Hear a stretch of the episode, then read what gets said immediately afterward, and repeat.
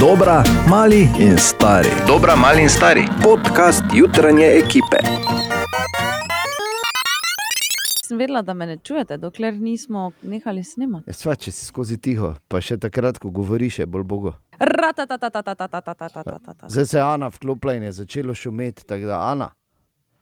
Ja, verjete pa nikoli ne bomo imeli tehnike vredno zrihtane za ta uvod v podcast. Ampak vsaj v ping-pongu, ni- pi- ping-pongu, Ping-pongu, ping-pongu nismo zgubili 2 proti 11. Ne. tako odbor, da nimo. Ne? In to dobro, moramo olajševalna okoliščina vseeno je igral slovenskim reprezentantom, sicer bolnikov s Parkinsonovo boleznijo, ampak vseeno gredo eh, na svetovno prvenstvo. Če si zamudila in zamudil ta bis, biser, mislim, dragulj, ta fenomenalna javljanja Bora Grajnerja in ostale borove bisere, ki ti mi smo, Ana in Katja, boste potrdili, zgolj statisti v tej zgodbi, Seveda, tako Tako. je. v tej zgodbi naših juter, med peto in deseto, ko se slišimo. Tu je zbor teh biserjev in pač bedni poizkusi. Biserjev, statistov. kako sklanjate v te toje? Ja, borovih biserov. Biserov, ja. Ja, tako. Kaj sem pa se rekel? Biserjev. Kdor, glej, kdor Kdo slovnično slovnično popravlja, popravlja samo Biserje imaš Ja. ti, veš, ki. biserje imaš ti, dva biserja, pol pa se konča. Govorimo o posnetku, ne o čem drugem, ne kdo narobe razumel. Torej, naj, naj povem samo, da pač eh, ti borovi biseri in bedni poizkusi statistov iz zadnjega tedna. Uživaj. Želimo dobro jutro. Dobro jutro. Danes je 23. august, precej pomemben dan v zgodovini našega mesta. Zakaj? Leta 1913 so namreč prav na današnji dan v Mariboru odprli most čez Dravo. In ali misliš, da so kljub temu ali pa zaradi tega nehali plavati na otok? Dobro jutro. Dobro, Dobro jutro. Dobro jutro. In ko malo človek tako lista po zanimivih naslovih tam zunaj, je tu še eden, da Tesla izdeluje humanoidnega robota, ki ga bodo imenovali, oziroma ga že imenujejo Tesla Bot. Ja, Tesla Bot bo nekoč, tako je rekel Elon, prevzel dela, ki jih najmanj maramo. Oh. Ja, tako da bo vse bo naredil uh, za nas, nam pa bo seveda ostal še kavč, odprta cesta in masno. Ampak vseeno je zanimivo, če, če vas te sorte stvari zanimajo, pa malo pogooglejte Tesla bot. Hecno je, no, na mesto obraza je humanoidni in na mesto obraza bo imel displej. Še to. Še enkrat, dobro jutro, pozdravljeni Dobro Dobro jutro. jutro.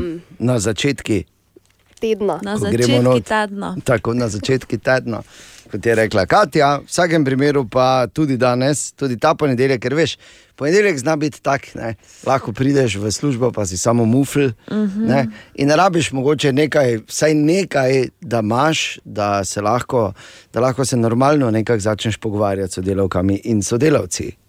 Če se hoče. Zdaj, pri, seveda se hočeš, to, absolutno se hočeš, to je osnova. Zdaj pri nas je običajno tako, da pade kako so oblačila, Daj nehaj. Ki te delaš? Ja, res, kje delaš? naj ti si, meni? naj si Tudi jaz bi tam mislijo. delal. Pa naj si mislijo. Pa zakaj? Kaj pa bor? Ja, morate reči, pade kaki kos oblačila. Oziroma, čakaj malo, samo malo pregreš dalje. Zakaj ne rečeš Dejan ja? govori čisto resnico. Tako. Čisto resnico. Jaz običajno odložim vrhnji del. Ok, še enkrat. Pade, Prekino. pade kaki kos oblačila, Katja in Ana rečeta ja. No, da se lahko premaknemo, samo rečeta ja. spuščeni bomo, da Ja, rečemo ja. tako. ja. Evo. Pade. Vidite, ki mi delamo. no, ampak če za res druge, ker pa nimate te sreče. Pa je tu ena zanimiva debata, tako za ponedeljek zjutraj, zanimiva debata. In sicer, kje se dogaja, to je veš eno ono vprašanje, ko ga pač tako vržeš, pa tako začnejo vsi meniti. Kje se dogaja tvoja najljubša grozljivka? Uh, jaz bom kar začel. Moja najljubša se dogaja v Transilvaniji in potem v Londonu. O kateri grozljivki govorim? Bor? No. No. A, oblačila pa ste odlagali, ne? zdaj pa ne govorite. Jaz ne gledam grozljivk, sploh. E, Transilvanija. 12 minut ene sem pogledala. Transilvanija ni nobena grozljivka. Moja se dogaja v Transilvaniji in v Londonu. Tako. Ja. Ja, povej, katera je, kaj tako. Jaz ne je vem, pardon. pa Jaz sem z lokacijami slaba. Drakula, la, logično, halo. Ja, okay. Sko, okay. Vidite, Reči, zato, da se nazaj oblečejo. zato, zato mečejo obleke. Mogoče bi bolje še bilo, če odlagamo. Ja. Katja, tvoja? Uh, mesto Brentford. Čakaj, čakaj, čakaj. čakaj. Brentford. Ja. To mi je znano, nič mi ne reči, nič mi ne reči. Brentford, kaj se že, ker je grozljivka.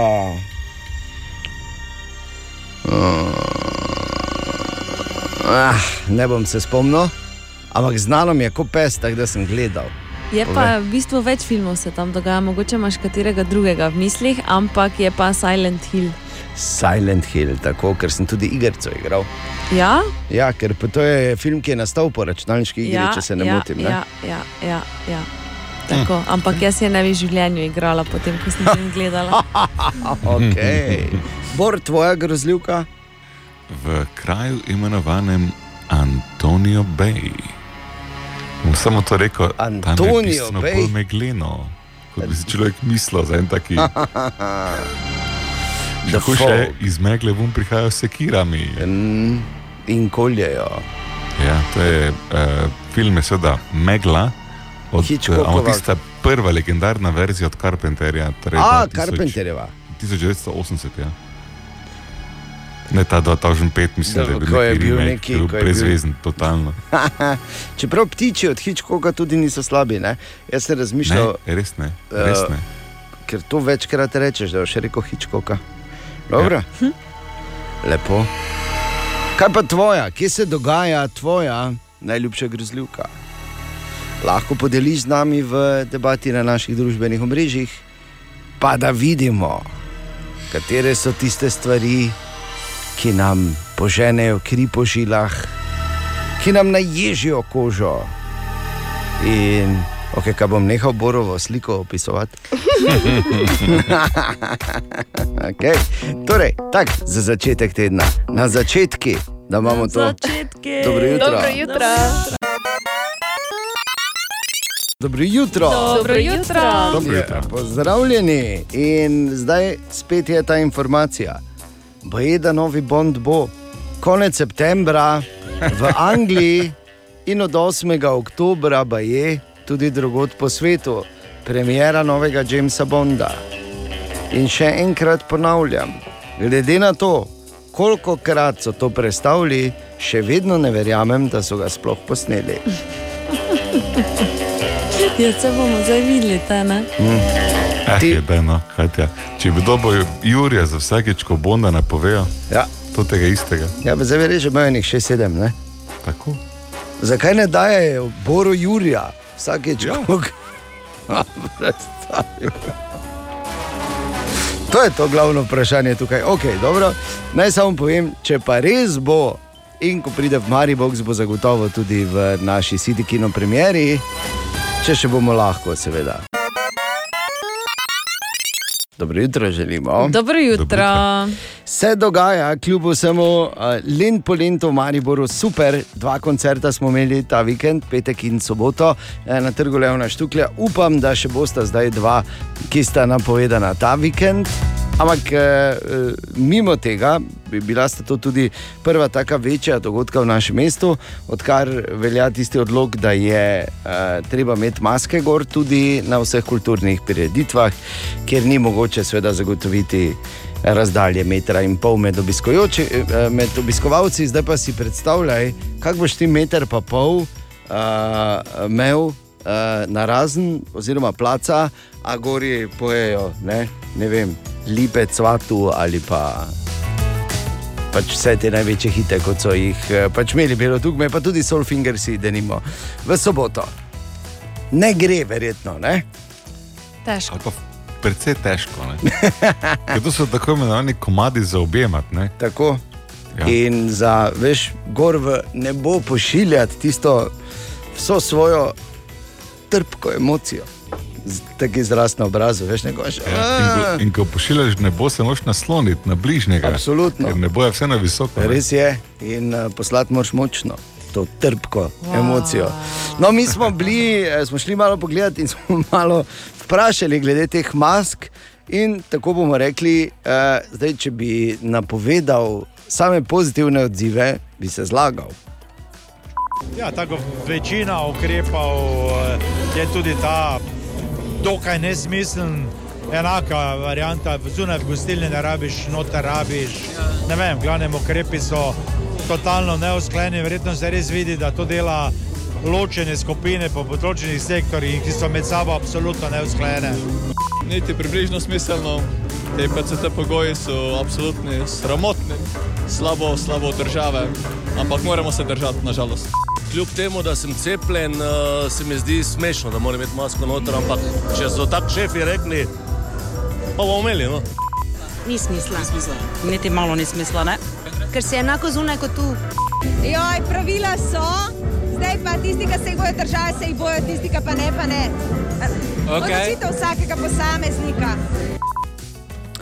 Kot se rekel, ne? zdaj, če bi napovedal same pozitivne eh, odzive, bi se zlagal. Ok, če potegneš črto, vseeno. Glej, kljub temu je, ne, mislim, veš, ne, kaj pravi tisti stari pregovor o zarjavelem organu in dlaki. 11 minut, če sedmo. Original, ja, originalni slovenščini. Ne, Ja, Ti seveda ne, ampak gleda, pač ja. pravim, ne. Če razumete. Važno, da se imate fajn, ali pa da se imamo fajn. Pa dobro jutro. Dobro jutro. Dobro jutro. Še enkrat dobro jutro. Dobro Dobro jutro. jutro. Zdaj, ne zdaj na prvo žogo reči, ampak še v pravljicah se ne zgodi, da ne bi kdo koga benal. Na tak ali drugačen način, seveda. Ne? Ja, Pač pravim, ja. povsod se zgodi in se dogaja, no, in zdaj eh, nova prepoved, no ben, so dobili strani Facebooka talibani. Kar se mi zdi kar upravičeno. No? Ampak uh, nisem hotel to povedati, hotel sem povedati samo to, da sta Trump in Bor v vedno bolj eminentni družbi. Čestitke, Bor. Ja, ne, kaj češ. Včasih si moš tudi sedeti na avtobusu, delite. Res je, z kom, ki ti ne paše. O, Tine! Ja, dobro jutro, Tine. Ja, dobro jutro. Dobro Dobro jutro. Ja, dobro jutro. Dobro jutro. Dobro jutro. Dobro jutro. Si s kolesom? Ne, Si na tri glavo, Bor? Ne. ne. Si bil na tri glavo bor, Ne, do krederice sem šel samo dol. pa tam neko sranje Lepo, naredil, lepo, pa šel. ne, Ne, malo ne. Tako ti- ne od not je bil, pa se samo vun zadrl, pa se je skril. Ne, Ja, pa, pa, pa oni so bili- naredil. Zunaj so bili, pa je samo rekel, če note, pa je leto dol. Jo, pa. Pol so ga videli. V moji strani so ga videli čez dve uri. ciklom. Veš kaj je najbolj zabavno od vsega skupaj, da so pla, planinci ne, so običajno najbolj prijazni ljudje na svetu. Zato, ker je v Ko so v planinah se Ko so v planinah, ja. Ker v Ja. planinah se pozdravljajo z ljudmi, ki jih ne poznaš. Dajmo ne pozdravljaš iti. Ja, kaj če ne bi Bor? pusti to. Pusti, hudiča. Gremo. Noben ni planinc od nas. Res tako je. Da, vsaj koliko jaz Ja. vem, tako da. Dajmo. očitno. Ja. Ja. Tine, kaj imamo danes? Torej, ena eh, zanimiva, zdaj, ne vem, če to pri nas velja, v tujini je tako, zdaj pa nisem šel še nikoli preverjati. In sicer, eh, če vas zanima, kako dolgo rumena luč gori na semaforu, ne, se To je standardizirano. Je, ti pravim, da ne vem. Ne? Mm. Eh, Da naj bi rumena luč gorela tako dolgo, koliko je omejitev uh, hitrosti. Recimo, če bi bila 50, tu imam jaz pač podatke 50 mil. 75 na uro, če so Eh, statutne milje. Ja, je to 7 sekund, pa pol gori. če je vem, 30 km/h, bi naj 3 sekunde gorela rumena luč. A, nulo stran zameš, pa dobiš. Zdaj pa če je res, ne vem, pa bordi ne Ja. idi Kaj bomo delali danes na poti iz službe? Pri štuku stojim pa štopam. To je bilo res zanimivo. Samo problem pa če, ker vsi ne vejo, koliko je kje omejitev, več kot očitno. Ja, to pa je druga Ja. stvar. Ja. Potem pri carinarnici, eh, če 7 sekund gori, a 11 bi morala.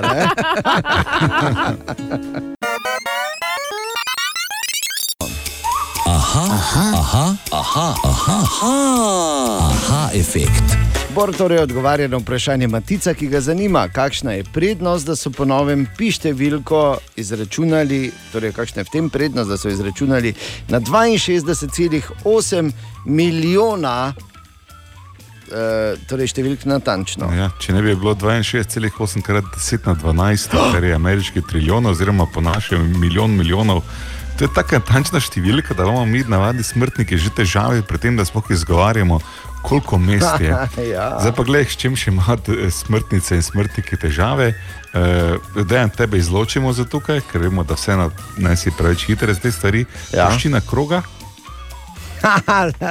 no, Čakaj, en, eno je pier kvadrat, eno pa je dva pier. 2 pier kvadrat. tako ne. Tako, Ne, dva tako, ena je ploščina, eno pa je obseg, Obseg. vreda. Tako. Samo kaj je, kaj ne? Obseg je premer krat pine, ploščina pa pier kvadrat. Ja, Smo sigurni smo. Ja. Kaj je samo dvignila roke, Ana, eh, mala diploma za sodelovanje. Zdaj pa pazite to.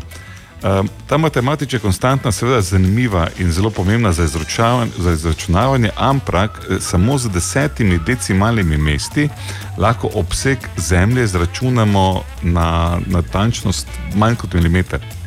Z 32 decimalnimi mesti lahko izračunamo obseg naše galaksije uh, na tako natančno, kot je širina vodikovega atoma.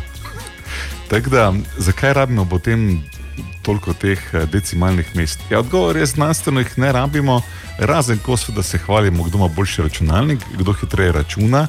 Mimo grede, 108 niso rabili za izra- izračunavanje tega zadnjega rekorda. In normalno, eh, pi je tako fascinantna številka, da raziskovalci vedno kaj novega odkrijejo v zaporedju številk in tako naprej. In tako naprej. Ampak eh, za naše ploščine in obsege. Eh, A, okay, zdaj pa še preverimo, samo jaz Joj. mislim, da znam 11 decimalk iz glave. 3,14159, 265, 359, sem prav povedal? 3, 6. 369, pardon. Ja, ja. In si, glej, in si rešil problem ne, za obseg Tako. Tako. galaksije. Ne res je, več. pa to ti pravim. Kako sem se te Bomo zaključili zdaj počasi. te Kdo še zna toliko matematične Ali tudi vi pogosto totavate v temi? Aha efekt, da boste vedeli več.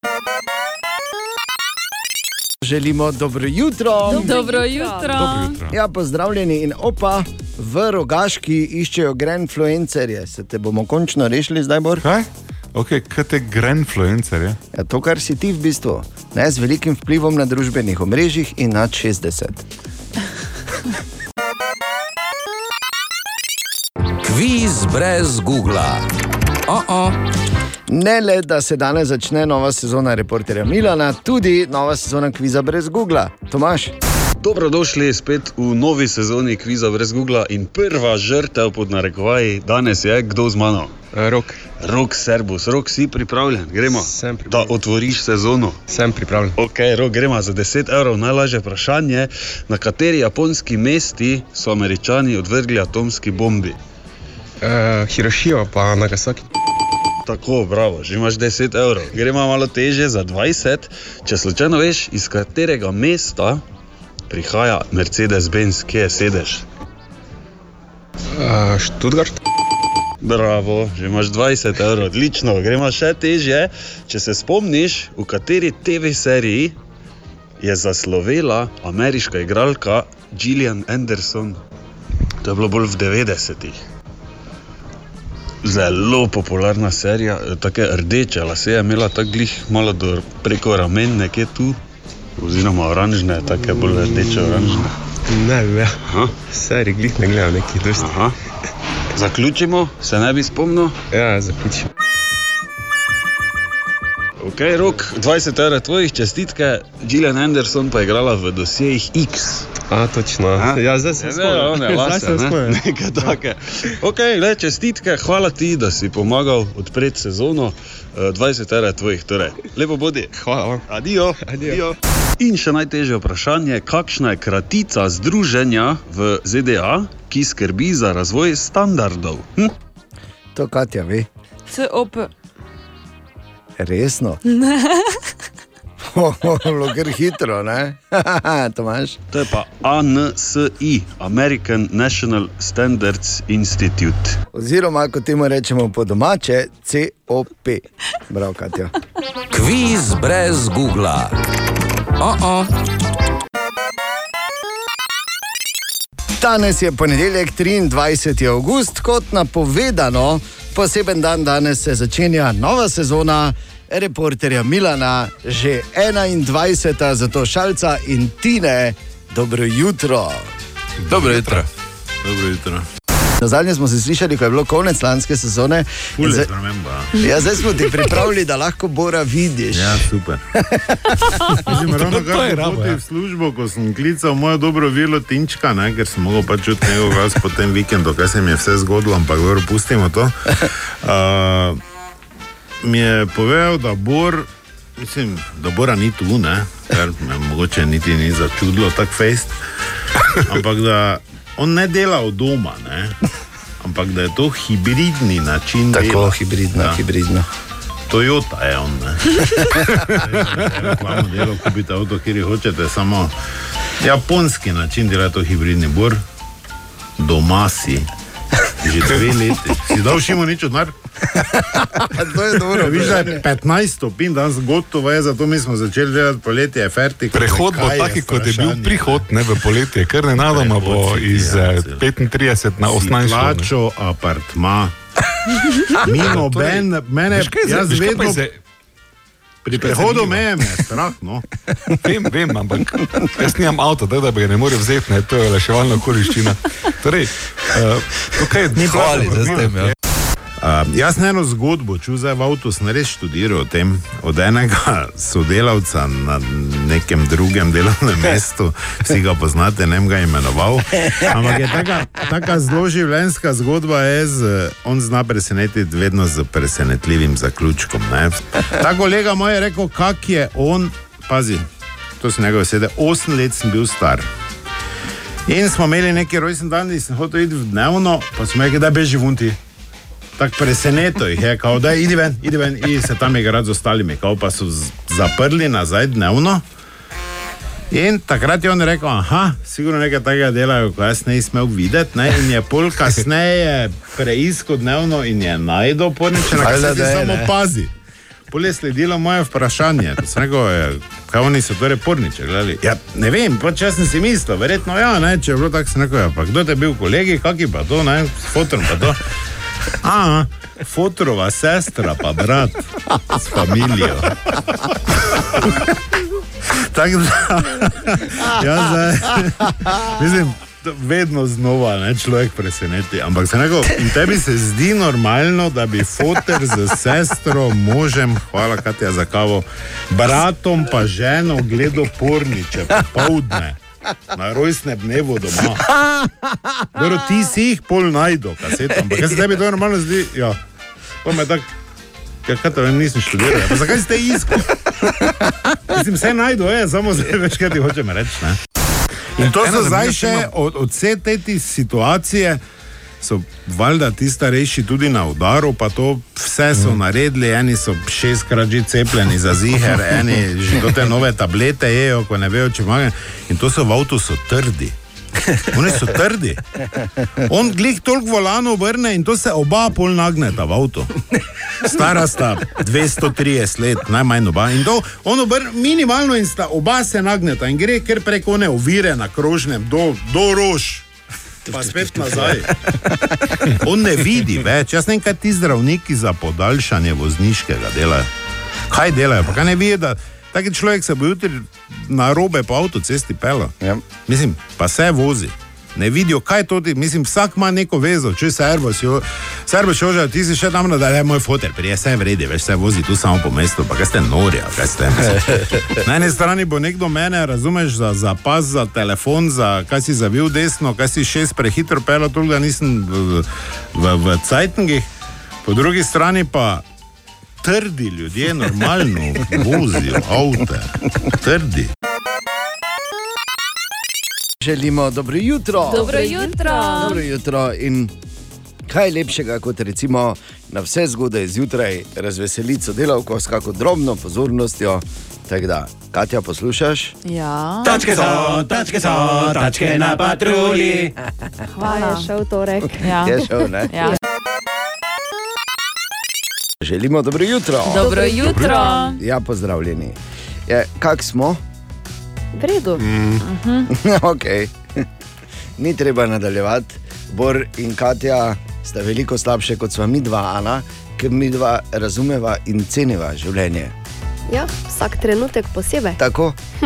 Tudi ta trenutek, recimo, ko smo skupaj s temi zelo slabimi frizurami Joj, in ja. zelo zgodaj zjutraj.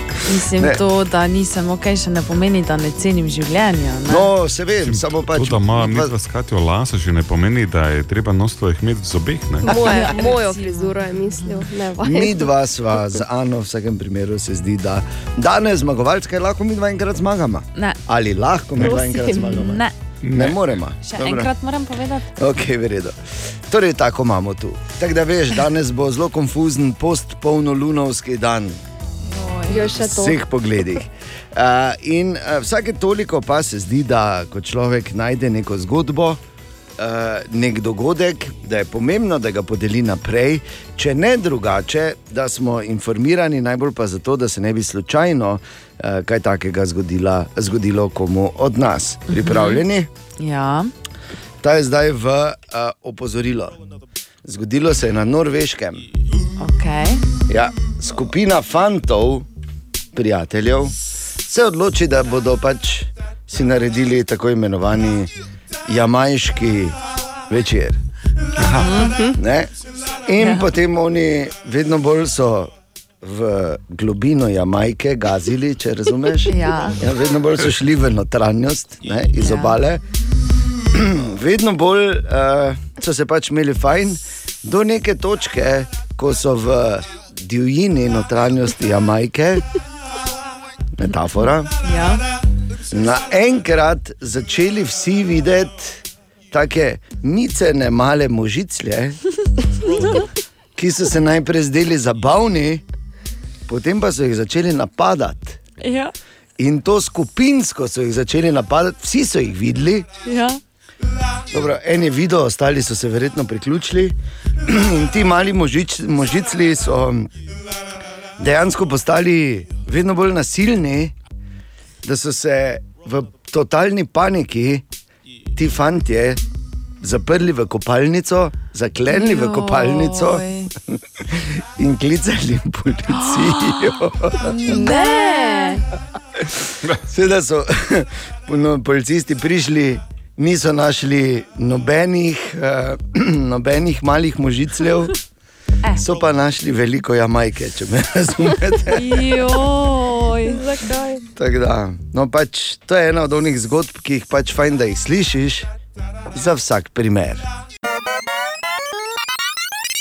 Web, web, web, web check. Torej, Katja, kaj se kaj piše, objavlja slika Šera in Ripovsta. Uh, A? Bravo, to A? si si napisal? Ne, z glave, z glave. Bravo. Dobro, ne? Ful dobro. Hvala Torej, lepa. uh, Taylor Swift je na Instagramu, oziroma preko Instagrama sporočila uradni izid njenega novega, starega albuma Red. Uh, ta bo izšel 19. novembra. In mimo grede je še zraven sporočila, da jo od zdaj naprej lahko spremljate tudi na TikToku. Ne, Zdaj wow. boš si pa TikTok noro. Ko me čakam, ne, ne bom, ampak lepo vedeti. Kylie Jenner in Travis Scott uh, pričakujeta svojega drugega otročka. Lepo. Medtem je Kanye West ponovno Eh, le sam. samo ena stvar, ne. samo dok nimaš otroka, rečeš otroček. Ker pol je vse, ne. sicer je ljubek otrok, ampak tudi Satan, on neko ne vtihne, hudič, Jo, zopet ziza. Aha, spet je bilo nekaj ne. narobe, Otroček pa- očitno pri Ja, Gajner pač Bor, mi smo se zmenili, da ti o otrocih ne govoriš. Ja. Sploh To pa ne, sploh pa, sploh pa ne ožemaš coto svojih frustracij. Torej, Ja. Kanye West je torej ponovno samski. Beyoncé in Jay-Z sta nova obraza podjetja Tiffany Co. lepo, lepo. In pa glavni gov COVID govorec na Novi Zelandiji je v svojem javnem nagovoru naredil kar zanimivo napako, bomo rekli. E, namesto fraze, povedal je naj ne hodijo ven. In namesto da bi rekel, naj si ne pretegnejo svojih nog, je rekel, ne razširite svojih nog. Oh. Torej, don't spread your legs. Uh, in zdaj je seveda že viralen hashtag spread your legs. Nor, nora, um, Reakcija. nora reakcija na to je bila. Ja. Imamo zanimive Tudi slike po družbi. Novozelandski jelko ali Ne, ne, Ja. je samo hashtag spread your legs. Res, Ja. fino. Zagotovo bodo potem kdaj tudi film posneli. Zagotovo. O tem, kak je lahko preveč dobrega, slaba stvar, verjetno.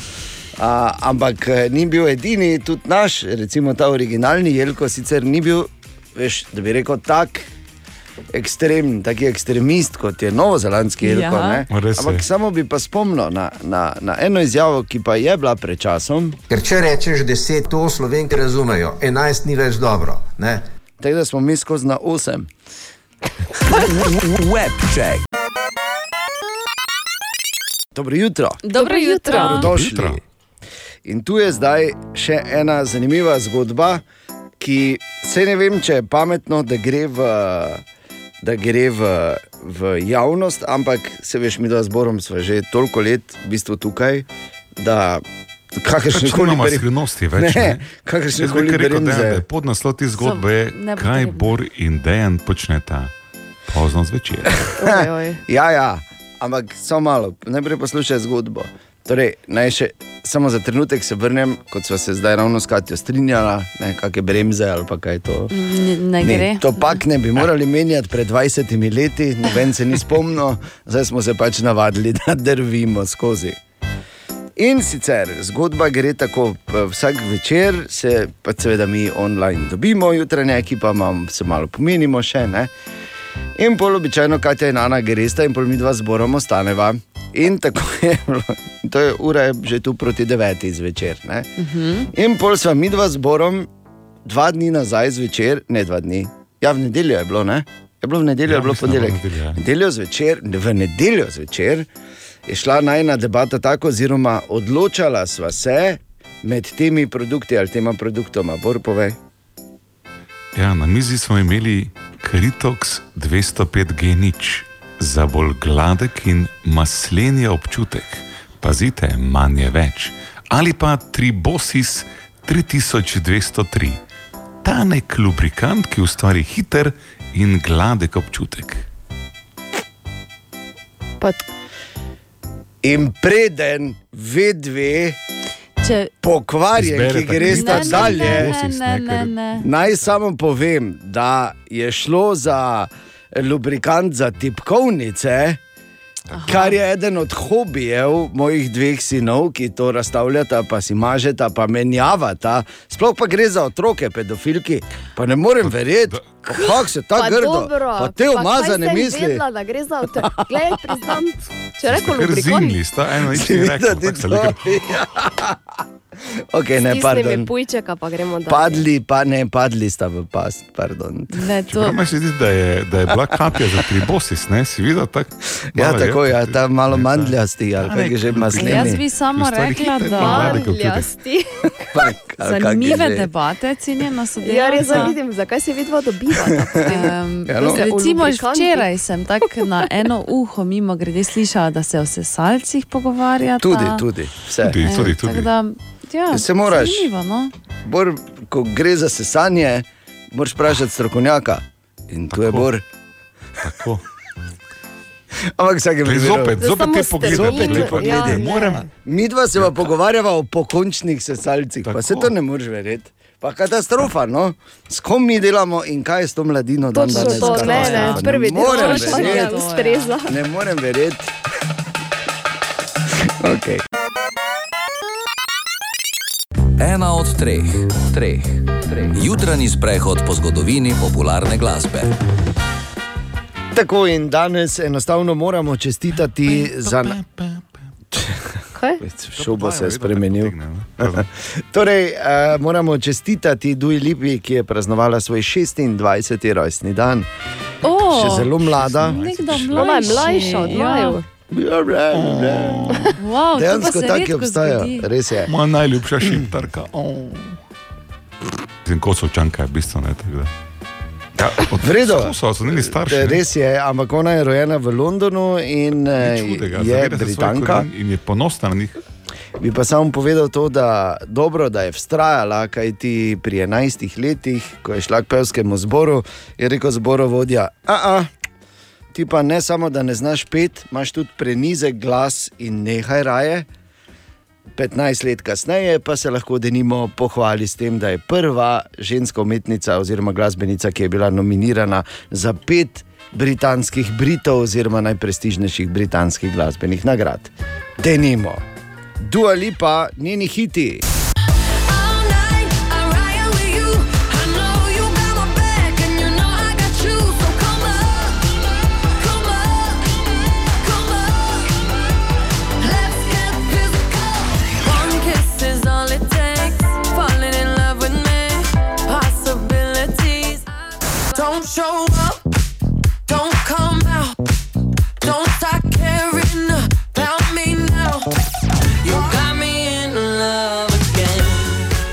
No, skratka, Dua Lipa, 26 let, vse najboljše. Vse naj naj. Tako. Vse naj naj. Kaj te ponavljaš? Ja, res. Če pa sem ti rekel, najprej ne, so vedno šli skozi vas cigani, zadaj pa je medved priklačal. Dobro jutro, še enkrat več. Dobro Dobro jutro. Torek je že. Svet zadnji. Vedno pride od zadnji. Vedno. Ne bi rad spet iste zgodbe o ciganih ponavljal. Dobrodošli. Zanimivo debato smo torej načeli malo nazaj, gledamo v prihodnost ali pa v določenih državah in situacijah že v realnost. Kaj ti uh, na področju umetne inteligence se že nekaj časa torej odpira to zanimivo polje, da so jo začeli uporabljati tudi čisto za res in dejansko za pravne nasvete. In za nas je to malo raziskal David, torej David ali lahko robot nadomesti odvetnika. Ja, do neke mere jo že obstaja, že namreč aplikacije, ki to počnejo, pomagajo v bistvu uporabnikom sestavljati naprimer pravna pisma, pomagajo reševati kazni za nepravilno parkiranje. Skratka, uporabnikom dajo na svete, kako ravnati v nekih dokaj enostavnih pravnih zadevah. In vprašanje je, če bo to kdaj nadomestilo tradicionalno sodstvo, odgovarja dr. Juri Toplak, profesor na Alma Mater Europeja in na pravni fakulteti v Mariboru. strah, da bi računalniki nadomestili sodnike, je nepotreben. Sodnik bo vedno, ali pa še dolgo, človek. Bo pa in upam, da čim prej umetna inteligenca pomagala sodniku do pravičnejše in boljše odločitve. Računalnik lahko hitreje in natančneje kot človek preišče vso zakonodajo in sodno prakso, najde ustrezna pravila in predlaga sodniku rešitev ali pa nekaj različnih rešitev. Testi so pokazali, da softver pripravi osnutek sodbe v vseh pogledih bolje in hitreje in za manj neke človeške eh, pristranskosti ali pa naklonjenosti kot prvostopenski sodnik. Prav je seveda, da ob dilemah odloči človek, da sodbo izda človek in da ob pritožbi na višjem nivoju tudi odloča eh, človek. In konkreten podatek te aplikacije zagotavljajo nekje 80-odstotno učinkovitost. Wow. To so pa že kar cifre, ne? ampak eh, jasno, kognitivno računalništvo je dejstvo, na vseh področjih znanosti eh, se uporablja in samo vprašanje časa je bilo, kdaj bo to prišlo tudi v pravo, denimo, o katerem govorimo zdaj. Tako in s tem se tudi strinja docent dr. Marko Hrbel iz Ferija, ki pravi, da je to naravno, stvari bodo pač šle same v to smer. Je pa se izkazala, v bistvu tudi že v drugih, reči, v drugih vejah eh, znanosti, kot so naprimer sociologija, m, ekonomija in podobno, da se očitno da uporabljati umetno inteligenco, tako da menim, da je to neka, bomo rekli, naravna evolucija tega, ne, da se je seveda to šlo na to področje in da seveda so začeli zaradi samega področja z preprostejšimi stvarmi. Moramo tudi vedeti, da pri umetni, umetni inteligenci je zelo pomembno, koliko se je v določenem področju že uporabljala, ne, kar pomeni, da s tem pridobijo tudi neko uh, in snovalci te umetne inteligence in kot sama umetna inteligenca neko znanje oziroma neko uh, znanje, ki jo generira, oziroma neko možnost, da se boljše znajdemo rekli, v tej situaciji. Zato je pomembno, da uh, začnejo z preprostejšimi primeri. Torej, v bližnji prihodnosti bomo upravne nasvete spraševali kar preko aplikacij. Tako. Ali pa rešili, ker boš naredil, bor, eh, recimo, ali pa ne vem, Katja ali pa Ana, bo šla čez cesto, tam, kjer ni prehoda za pešce, ali pa pri rdeči, ne, ali pa se bo Bor zapeljal kontravelno smerno. To je bolj možno. Se je že zgodilo. Smo že videli na slovenski, ne bom rekel, ampak smo že videli vsi avti parkirani v eno smer, samo en v drugo. Smo že videli. Res je. Smo Ampak ve- videli. veš, je Čakaj, samo da povem do konca. No? In boš šel čez cesto ali boš naredil prekršek, pa bo samo aplikacija naredila ting ding. Pa ti bojo kar hkrati že iz računa dol vzeli, pa ti dali one pike. Ja, vse hkrati, pazi, ker včasih smo rekli, kadija sudi, kadija tuži, ne? zdaj pa samo črta kadija, no daj kognitivno računalništvo. Tako med drugim.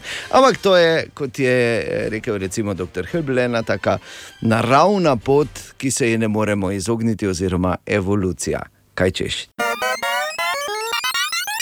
Danes je vseeno 24. august, en poseben dan. Okay. Danes je ena posebna, pa lahko bi rekli tudi obletnica. Kaj, Ja. samo obletnica mama? Bor. Dragi. Ne, ki, Pa čakaj, daj, katerega no, pa leta je da vidva to zvečer. Ja, mislim, da je bilo avgusta, ko smo Kaj začeli si delati. ti, Ne? kako? Nič nismo, bor mi dva nikoli začela delati, ker Kako vemo, bo? da sem jaz več kot leto dni prej. Že zjutraj delal, ko si ti še lepo le noharo, pa feril Res? okoli. Tako pač. Mislim, jaz vem, da sem na radiju začel delati preko ti, pa vem, da te je zmeraj zmanjkalo, ko si bil v neki gorski reševalni vojaški enoti, kot koza si plazil, kot neka ceta. Gamsi Ampak- smo bili, gamsi. Gamsi, to, to, da bi jaz začel za da, ti Ja. si začel zjutraj predelati kot jaz. Tako, kaj? ampak to ni zgodba o tem. Ampak Če imam pobletnico, si rekel. Mogoče pa ne, pa nehaj. Kaj si no? Bor, ja. Morate vedeti, dekleti, bor niti 17 let, če ne dela zjutraj, pa se nekaj meni. A ja, Jaz eh. pa že debelih To 18 pa res. Ne, danes je ena posebna obletnica, eh, čeprav je en teden samo tega. Ampak, gledaj, jaz rečem obletnica, ker hitro, hitro čas beži, ne? gost na ražnju, tebi kosti. Tebi kot gre- kosti. Ja. Ampak uh, res je bilo tako monumentalno, se mi zdi, da po dolgem času je spet zarezalo in osvežilo, v bistvu razburkalo, kakorkoli že želiš, uh, to mirno morje, ki ga je imel Miki Mouse. O čem ti govoriš? Bom povedal počasi. Jo, jaz ne vem, če želim vedeti. Ja, pred točno sedmimi dnevi je Katja zjutraj rekla, vedela. Ja, jaz imam ježeka. Točno sedem dni nazaj, še nismo vedeli, pred sedmimi dnevi je Katja rekla. Ja, jaz imam ježeka. In eh. povsem spremenila. Pač. Veš, kaj me zanima, da je v tem danem momentu res eh, bi rad vprašal. Joj. Strah me je tega vprašanja. res. Kaj če bi ga v imenu dobrega okusa preskočili? Ja. Če pa ne bomo nikoli vedeli, potem če imaš Daj, še vedno. nehaj, no. Samo pač čestitke, draga sodelavka, in hvala ti. O, Tine! In naj najprej pred pozdravom opozorim Tine. E, moraš vedeti, Bor je danes očitno zjutraj jedel iz tako imenovane umazane sklede. da Slišim, ja. Bodi opozorjen, dobro jutro. Pa tudi pazljiv. Pazljiv pa Dobro vse to. jutro. Pa kje si tinč? Dobro jutro. Kaj je svinja? Tinč. Kaj ti si? Ja. No, To se ti pač lepi. lepi pozdravi. Tinča, imaš ti več ki. Tinč, pinč, ne, kot se reče. Ja, ne, Ne, vem, reče. Mogoče ni toliko iz svinske sklede, jedo, kot iz tumaste sklede. ne. Ja, to vsak dan, to ne preseneča. Pa komaj, niti osem, niti veš, kako bo do desetih. Ja, Vem, ampak recimo, zakaj si tako za slabo reagiral? Ker pinč ne, meni je od enih bolj simpatičnih psov, ne, sicer Kaj ti zgledam kot pinč? Jaz? Srnin pinček, klasični. Ali ti zgledam kot pinč? Mali oski barjavi. Pa s temi okicami, to jim včasih se mi zdi, veš, da je. Ja, daj ne, bor, prosim. Samo to ne. Ne more se rešiti. Retorično je bilo, ali zgledam kot pinč. Dobro, ni za to, ne rečeš odgovarjati, da imam okice kot pinč.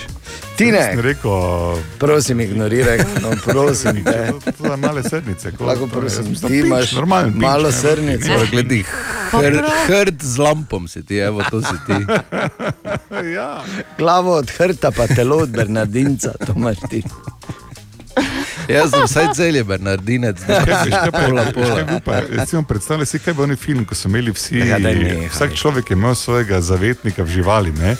To je bila risanka, Bor. ne. Risanka Koko. Pinča, jaz sem hrta, dejan ima pa šnaucera, sigurno. To pa je res je bil taki vic, da. Ja, to, to, je, Glej, če bi rekel mopsa, bi bilo smešno. Šnaucer, pa- Šnaucer pa absolutno ni smešen pes. Tako da, prosti. Poslušaj, prosti, šnaucera si zdaj kar malo poceno. ne. Šnaucer je meni zelo zabaven pes. Imel sem dva šnaucera, tako da ne ti meni o šnaucerih. Ja, no, pa, Dobro. no, pa, pa več, če, če ni dejano avatar šnaucer. Daj, Ne, ni. Hvala ti, ne, hvala. Lahko rekel, prosim. da je mops. Hvala ti Moj še enkrat. Kaj imamo, Tine? Torej, zadnjič, ko so bili vsi zemljani na zemlji, je bil 2. november 2000. Od takrat dalje je vedno nekdo v vesolju. Pa daj, kako dobro. Zakaj pa se smejiš? Kaj mi je dobro? Če ker je nor. račun? Ker ima pač nekdo je vedno vesoljo. Ha, ha, ha, ha. To je res bilo jaz sem rad take mindfucke, kot se reče. Ne? Pač to Bor, danes nisi. Tako, lahko izklopiš, pa ne na novice naj pride. Tvoji izrazi danes so res izjemni. Res. Ja. In dobro jutro vsem otrokom, ki ste že vstali med počitnicami. Dobro jutro. Želimo dobro jutro. Dobro jutro. Želimo dobro jutro. In ena od uh, uh, večjih bitk ali pa težjih bitk, ki jih morajo biti starši, so, uh, je bitka s svojimi otroki in sladkarijami. Glej, nami sploh govori, ker trenutno je beseda, čakaj, da vidim, če je tu. Lizika, lizika. Je A tako močna kot dru, druga prepovedana beseda. okay. Ja, to pač je. Ne? Zdaj težko, veš, ne, in težko dopoveš vsem uh, uh, babicam, uh, tetam, uh, botercam in tako dalje, ne nosi sladkarij. Ker to preslišimo. Ja, absolutno. Ja. Kaj ti ni jasno? Ja, ni ne mi. nosi, ne nosi. Pa Kaj ti ni jasno? Oziroma zborovo besedo, glej, ča, Glej. glej, mislim, čas bo. kaj ti ni jasno? Glej. In sladkarije ne. Ja, ampak eh, to je seveda večna bitka, ki potem teče, in pol nobeno skrivanje ne pomaga, in nič. In morda tu samo pač ena ideja, ene mamice, ki je naredila res izjemno, izjemno potezo in sicer našla je nekje, ne vem, na eBayu ali nekje pa že, eh, en ta avtomat, veš, za sladkarije, rabljen, stari, pa ga je kupila. In ga je doma postavila in dala vse sladkarije noter, in ima ona že to. Ne?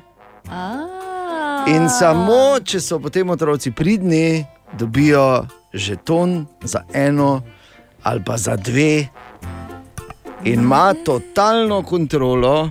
Tako si vse ona misli, ker po mojem so jo že zdavnaj shekali. Ne, ne samo to, ne. to je ravno pot v pekel. Zato, ker tako, ko bo ti otroci prišli do nekih lastnih sredstev, bo ta frustracija iz otroštva povzročila kar je do konca smrti. Ali pa Do diabetes. konca smrti. Do konca. Kak je te do konca, kje pa je te začetek? Ja, ko se rodimo, Tako bom rekel, Do konca življenja. Ni ne? danes tvoj dan, veš. Jaz bi Je. samo rekel, da je super ideja in uh, imeti stvar Ni, pod kontrolo. Grozna ideja je. Okay. Psihološko gledano jih je determinirala do konca smrti. Ja, tako da najboljše pa, da jih determinira tako, da, da so eh, že do šestega leta ne, s preveliko težo, s katero se bodo bili celo življenje. To pa ni determinirano. Če kaj? malo kaj z Amerike je ona. Skratka, to, mogoče samo kot idejo sem navrgal, če bi kdo slučajno, če pa ne, pa tudi prav. V vsakem primeru želimo dobro jutro. Dobro, Dobro jutro. jutro. To je naš priljubljen jutranji segment iz Borove špajze. Bor. Ja, v Borovi špajzi, imenovani po monumentalnem slovenskem radicu, Boru se ne bojimo komentirati nobene teme. Lahko bi govorili o tem, kaj je emergenca, ki jo bomo srečali v prihodnjem Marvelovem blockbusterju, lahko bi se ponorčevali z Ilona Maska. Uh, On je zdaj po praznem nastopaštvu s tem robotom, ki ni bil robot, prehitel legendarnega Jobsa. Lahko bi govorili o zmedi s PCT in prihodi vrtec, ampak ne moremo. Ne moremo. Včasih si treba vzeti čas in popraviti krivico, stopiti na prste cenzuri in ja. reči: ne, resnica mora priti na dan. Včeraj namreč je bil uh, Matjaš Munšaca v studiu, lotili smo se seveda uh, Ugljena in mene in odprtih računov in tega. Pri tem pa posnetek, ki bi moral priti v javnost, ni prišel v javnost, ker ga je, pazite, dejan cenzuriral. Ni, časa je zmanjkalo, čist preprosto. A ja, časa je zmanjkalo. Ampak v Borovi špajzici vzamemo čas za pomembne stvari, zato brez cenzure. Kako je zdaj z, z Borom in Dejanom in Ugljanom, kako je mogoče, da dva tako različna karakterja hodita na isti otok, samo malo, otok je isti, kraj pa ne. Martin Gvardil. Eh, Dobro jutro, dragi Slovenci, samo da se obavijestim. Lukoran, to je mjesto na otoku Ugljanu koje je, ha, ha, Lukoran. I to je to, tamo odlazi Dejan, pa vam je sve jasno. A Bob Greiner, on ipak dolazi u kapital preko, sve vam govori, samo destinacija.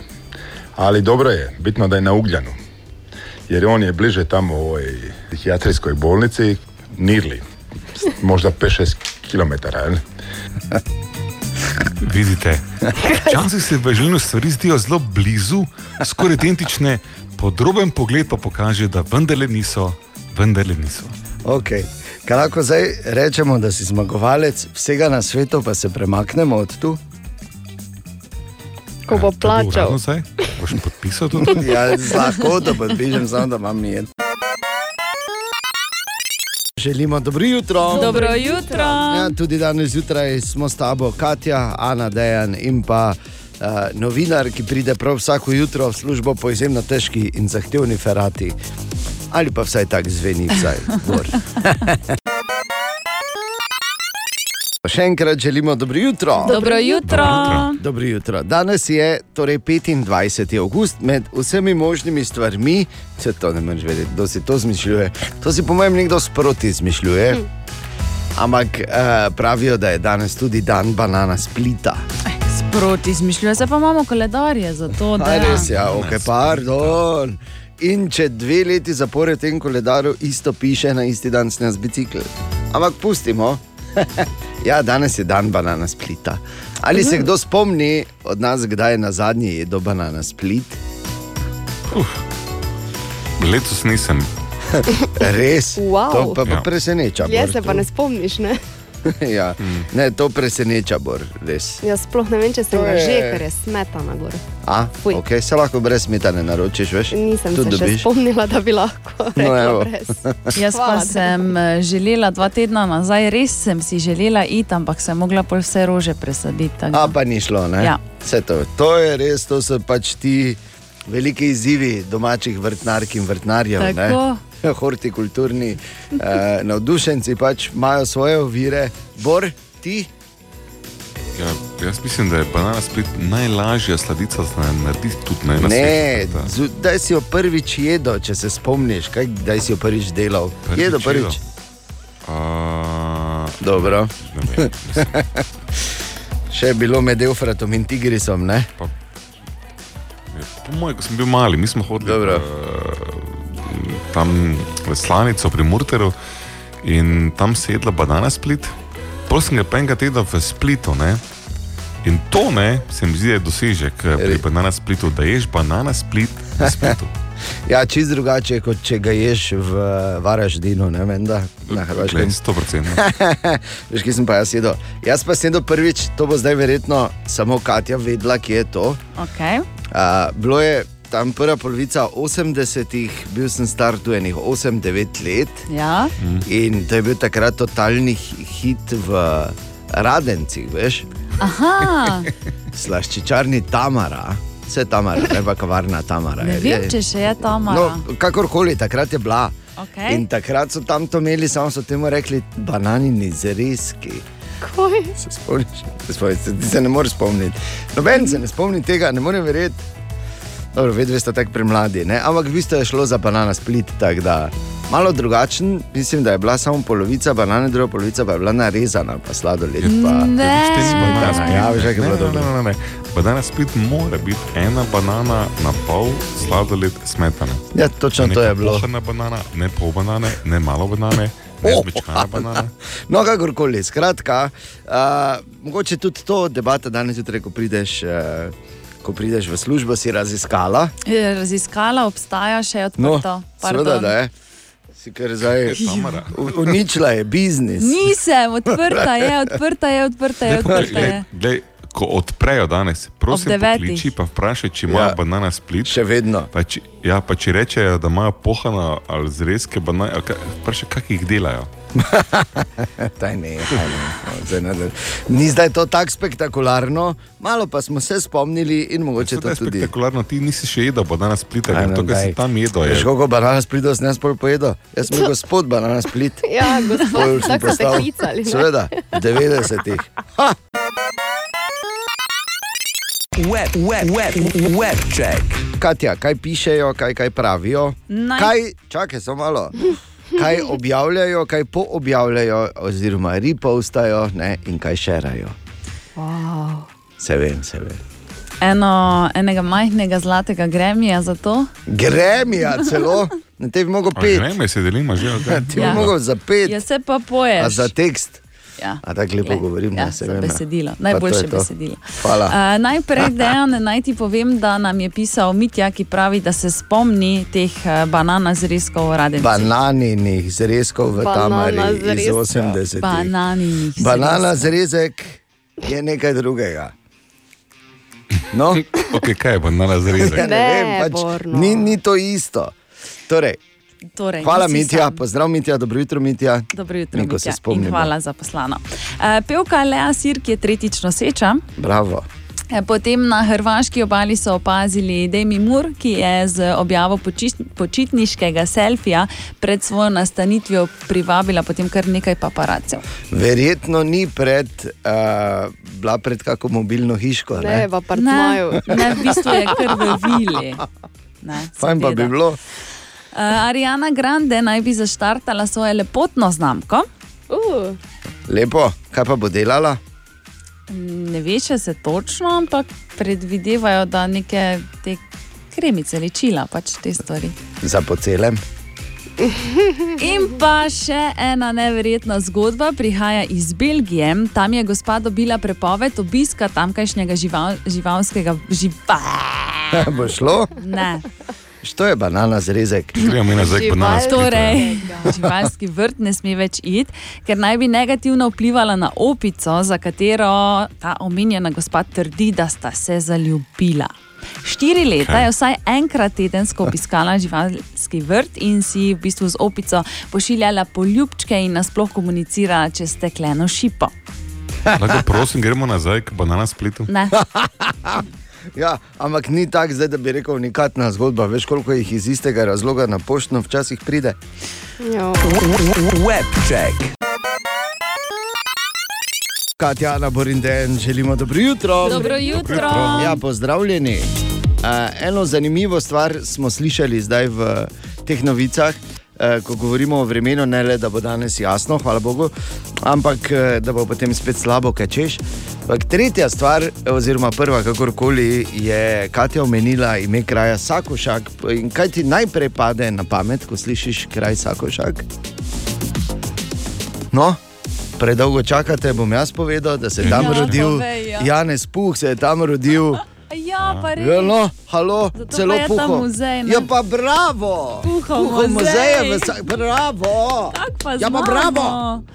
Vsi, mi- vsi motoristi bi morali zdaj, vedno ko rečeš Janez Puh, bi morali tako tiho prekimati v znak spoštovanja, In ker narediti bi se, ja, ker bi se glihaj mi vozili Ja. s tem, če ne bi bilo njega.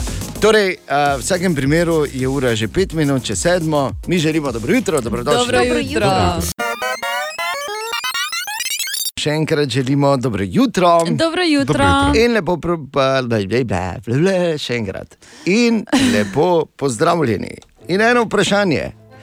Ali se ti zdi, da v teh dneh, ko sicer hvala Bogu, a, lahko gremo vseeno še vedno ven jesti, lahko gremo v gostilno, lahko imamo relativno normalno stanje, ker eh, če smo se kaj naučili v zadnjem času, je to, da nobena stvar v življenju, pa tudi to, da lahko greš si tako normalno po sendvič, ni sama po sebi umevna. Je tako? Ja, absolutno. Ja. In, a, ampak vseeno opažamo, da so se cene v restauracijah v zadnjem času nekoliko podražile. In to je šel preveriti David. Dobro jutro, David. Ja, res so se, kot so verjetno opazile že mnoge mariborčanke in pa mnogi mariborčani, so ponekod iste jedi draže tudi za po evro ali celo dva. Predsednik sekcije za gostinstvo in turizem pri Mariborski obrtni zbornici Marjan Vidovič razlaga zakaj. Popolnoma enostavno, dvignilo se je popolnoma vse, se pravi, vhodne cene, vsa nabava, ves material, vsa roba, kakorkoli, vsak dan se draži, vsak dan prihaja sporočila, da bo dražje in seveda vodna postavka se je tudi enormno dvigla. Torej, enostavna je situacija svetu prinesla te podražitve na več področjih. Po svoje logično, ni pa prijetno. David, ali si mogoče to preveril tudi na terenu, kaj recimo pravijo gostinke in gostinci? Ja, tudi gostinci razlagajo zelo podobno, Devana Blakaj iz znane razlaga. V Nani smo dvignili, dvignili cene izključno zaradi tega, ker so se cene oziroma artikli od embalaže do proizvodov, kot je ne vem, kava, vse se je podražilo in posledično je pač sledilo enako, da pač če želimo uh, ohranjati podjetja, je edini normalen ukrep ta, da se pač dvignejo cene. Prav tako so se dvignile, dvignili stroški dela, vseeno smo v Nani bili tako humani, da je bilo to res minimalno. Koliko je bilo res nujno, nujno potrebno. Dodala je še, ta trenutek je tudi teže dobiti dober kader zaradi odhodov gostinskih delavcev v Avstrijo ali tudi v druge poklice. Tisti kader, ki pa je ostal, seveda zdaj zahteva višjo urno postavko. Hm. Eno z drugim, en kamenček, frcneš, pa imaš na koncu brega, jasno, da velik kup kamenja oziroma plas. Yep. Tako pač je. Ampak zdaj pa stisnimo, ne glede na vse. Uh, če že greš, pa verjetno ne greš ravno vsak dan ali pa tako pač on evro ali pa dva, kaj tečeš. Ker sem kot ninja, ta ta ta ta ta ta ta, šurike, ne vem, ta ta ta ta ta ta ta ta ta, stotke, a je tako zgleda, ko gre bor, ne. Tako zgleda, ko gre No, bor, ja. ne vleči me za jezik, nekaj nazaj sem predenko jedel in je dobro, je bilo, nikaj ne. Samo, Samo si vzel na obroke. Ne? Kaj češ, okay. ampak samo da vemo, da ne bo slučajno kakega prevelikega presenečenja. Če si ta trenutek predstavljaš si situacijo v službi za računalnikom, hočeš imeti svoj mir, pa tako s prsti tak po mizi in ne veš, kaj bi, in gledaš ta monitor noter. In niti ne vidiš prav, in uh, vse je na robe, in jo kiše ura, dve ali pa pol tri ali pa koliko že. Situacija je relativno znana, ne? Mislim, pač se kdaj komu zgodi. Je tu ena mi, kaj poglej, da ti pač tri minutke hitreje minejo. Aha. Zunaj je namreč trailer za novega Spidermana, Spider-Man No Way Home, ki ga seveda uh, družina Vedlin težko čaka in pričakuje. Oboje niste edini. Tako da, ja. In uh, pride okoli Božiča, vprašanje, ki ga bomo gledali, čeprav napovedujejo, da v kinematografih. Upajmo, da res, kakorkoli nov trailer je goril od včeraj, če še ga nisi videl ali videl, da bo ta moment v pisarni, ko gledaš monitor, bo tam v sodo. Da se mi, kaj da, da gledam, če nič pametnega ni. No, morda pa to. Pač kot ideja. Plastično sem bolj prikazal. Ja, to ne pomeni, da morate zdaj se vedve tu naslanjati. Bog ne daj ti, Bor. Ne, ne. Več Mi se naslonim, se ne več odslonu. Ja, se to je problem. Oziroma, boš rabo strokovno pomoč. ne? okay. O, Tine! Dobro jutro, Tine, pozdravljen. Dobro jutro. Dobro jutro, Tine. Okay. Tako da, ja, uh, stvari so take, kot so, Čarli Oc je šel, kaj čemo. In uh, Moški vedno bolj pogosto nosijo najlonke, to smo tudi se naučili danes zjutraj. Ja, ja ti ne, tako da nisi več manjšine. Dobro jutro, Tina. pa kar pogrešam. Ne? ja, bi rekel. Priznati, ne. Lahko prideš malo gor, ja. Ja, Kaj je z vami, to je ena večja, Kaj si ne ti bi rekel kaj kot druga, kaj to je z vama, je? Najboljše, da hodim v najlonkah tu. Ja. Če pa si rekel, da jih pogrešaš. Ja, ampak ti ja, ne pa raz- ne zdaj, da bom tu hodil po radiju z njimi. Kontekst, kontekst, dekle, kontekst. na okej. Ti moraš vedeti. Ti moraš vedeti, včeraj sem izvedel, da je slovenska rjava kokoš ogrožena vrsta. Ne bi rekel. Jaz sem blondna kokošče že. Nisem vedel, da imamo slovensko rekel, kokoš. Ja, rjava. Ja. Res? Jaz tudi nisem vedel. To pa niso neke lepše barve mogli najti, kot to navadna Ima, rjava. ima kaj- mislim, slovenska štajerska kokoš, pardon. Štajerska celo. E, in je, ima tako ful dobro frizuro, veš, tako, tak je, takoj veš, da je štajerka. Frizuro Oj, Grajner ima. Okay. Kite Grajner, ja? Ja, ne, Bog si ga vidi. Dobro, samo preverjam. Kaj imamo ti ne? Eno glasbeno. In sicer eh, vsi skoraj poznamo eh, ta riff. A, seveda. The White Stripes, Seven Nation Army, oziroma to, kar si Bajernovi navijači pojejo. Ne? To, kar si Tudi. pojemo, ja. ko dajemo gole. Skratka, ko je Jack White napisal ja. eh, to melodijo, se je odločil, da bo on to shranil. Da ne bo objavljal, bilo mu je zelo všeč, pa je rekel, ne bo objavljal, da bo shranil, če ga bojo kdaj v življenju prosili, za, da bi napisal glasbo za Jamesa Bonda. Resno. Pol pa je to ena pol leta, je to imel hranjeno, pa je rekel, zakaj bi zdaj mene kdo klical, če bi napisal za Jamesa Bonda. Samo so ga pol- Pa je to objavil, plus so ga pa čez štiri leta prosili, prosili, če bi za Quantum of Solace Ja, napisal glasbo. Tako je. Ampak hvala Bogu, okay. ker tisti komadi tudi ob- izjemni. Ja, vsaj vse je dober. Jaz sem Samo fan. si predstavljaš, da bi bil. Ta, ta, ta, ta, pa kak James Bond pride, pa to ne. Pride pa Ta, ta, pije, ta, pa to, ta, pa ko nažge, strela. pa to, pa ja, ta, pa ko gre v ne avto, pa to ta, ta, ta, ta, pa ko gre v čovn, ta, ta, pa, pa, gre Pa ko kar gre samo. Ja, pa, pa ko gre pod vodo, pa full luft drži. Ta, ta, ta, ta, ta, ta. Ja, super. Apropo, uh, James Bond, uh, zdaj seveda vsi že vemo. Uh, te zgodbe povezane z premjero, ki naj bi bila, jaz še vedno ne verjamem, da so ga sploh posneli. Bi pa samo- nam bo dali vse nič.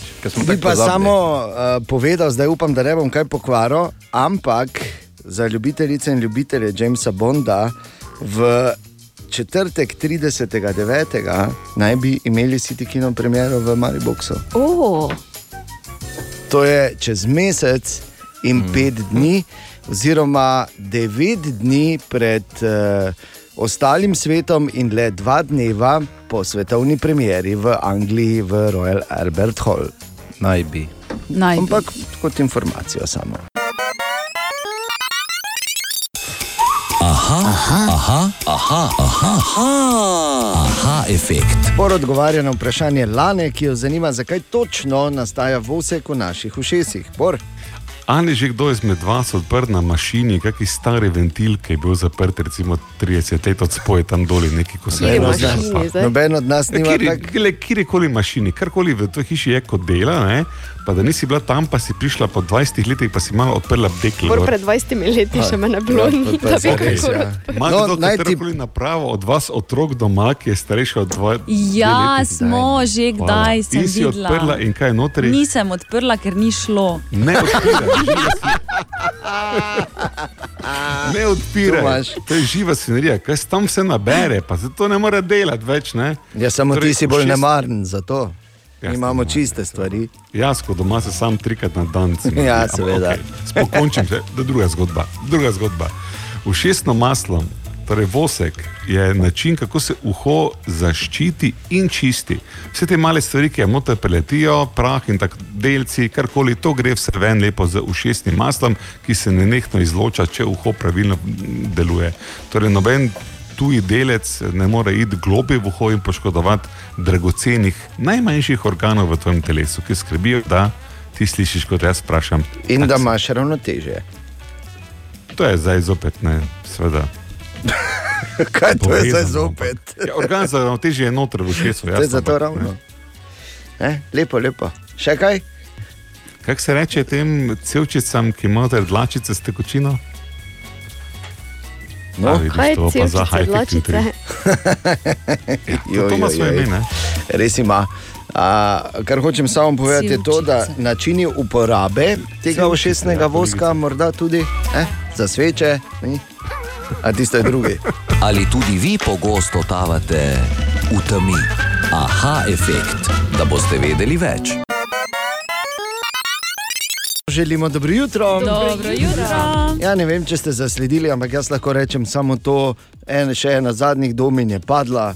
Namreč na Sešelih so posneli prvi primer meso jede želve. Uh, Ja, kaj? ja. Še Ne. zadnja živalska vrsta, ki je bila tako ljubka, pa tako lepa, pa le v želvice. Ja, dajte si vsi želvice domov. Ko se pa zjutraj zbudili, pa boste imeli na desni nogi od kolene dol samo kost. Pa daj, Ja, ne. kaj da to je? To primer- Želvice, Mari- pa s takimi lampi bojo ležale v foto. Mislim, da se ne Rigale. zbudiš, ko ti nekdo poje polovico. Ne, noge, ne zbudiš se, ker trdno spiš, te Okej. zgodbi. Malo. Dobro. Ta, pa to, ni, to je nepomembno. To pomembno je to, da je to primer Mariborske želve hlastačke, da v čisto drugi okvir. Ne? Ne, ampak to je šlo za, ni šlo za. Uh, za uh, Seveda so jejo ribe, pa vse to te aligatorske želve. Ne, Se ne No. govorimo o aligatorski no. želvi, govorimo o želvi. Ja, no. Veš, ko so Vse tako očitno lepe. jejo meso že, ne? Veš, Ja, pa to ne moreš verjeti. ne. Taka lepa, pa, se zjutraj zbudiš, pa kost. In kaj boš pol? Nič, hvala, boterca, da si mi prinesla za rojstni dan želvice. Res hvala. Želimo dobro jutro. Dobro jutro. Ja, danes je 26. august, tudi dan, ko se je leta, pjo, ful dolgo nazaj, sredi 15, praktično skoraj točno sredi 15. stoletja, rodil Krištof Kolumb.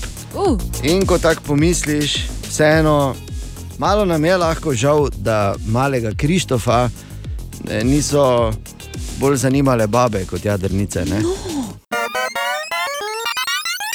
Še enkrat želimo dobro jutro. Dobro Dobro jutro. jutro. Ja, pozdravljeni. Je, kaj bomo zdaj? Ja, Ti povej. vem, kaj bomo. lepo, lepo. Kak smo Ja, jaz dobro? sem da lepo tu damo neko muziko, pa še se malo obrnemo. Ne? Vredo, Bor, ti si vedno za to. Okej. Za muziko pa za obrnice. Jaz sem spila kavo, jaz sem pripravljena. Kaj imaš? Me veseli.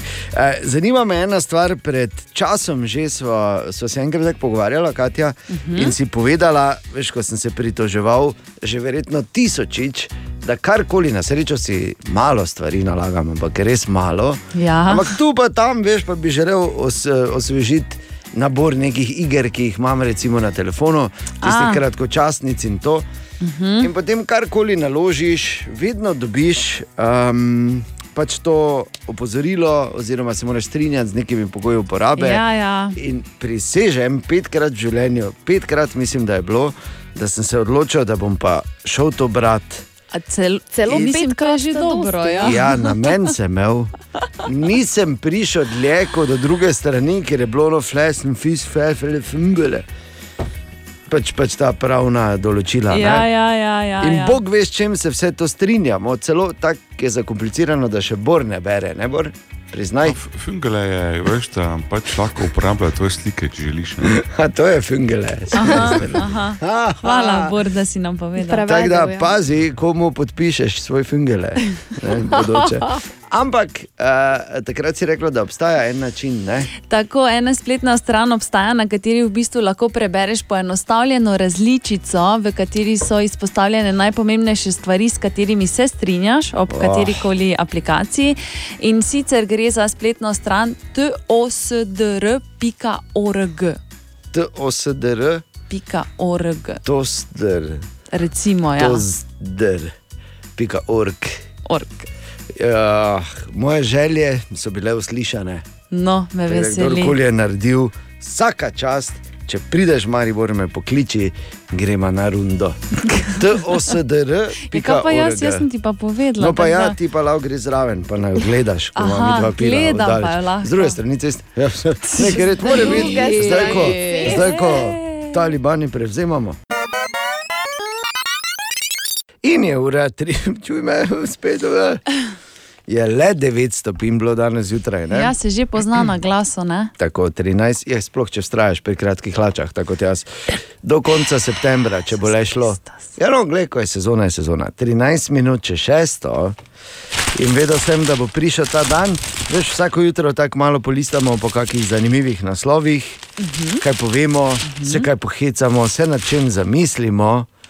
In eh, danes moram reči, da je prišel ta dan, ni nekih zanimivih naslovov.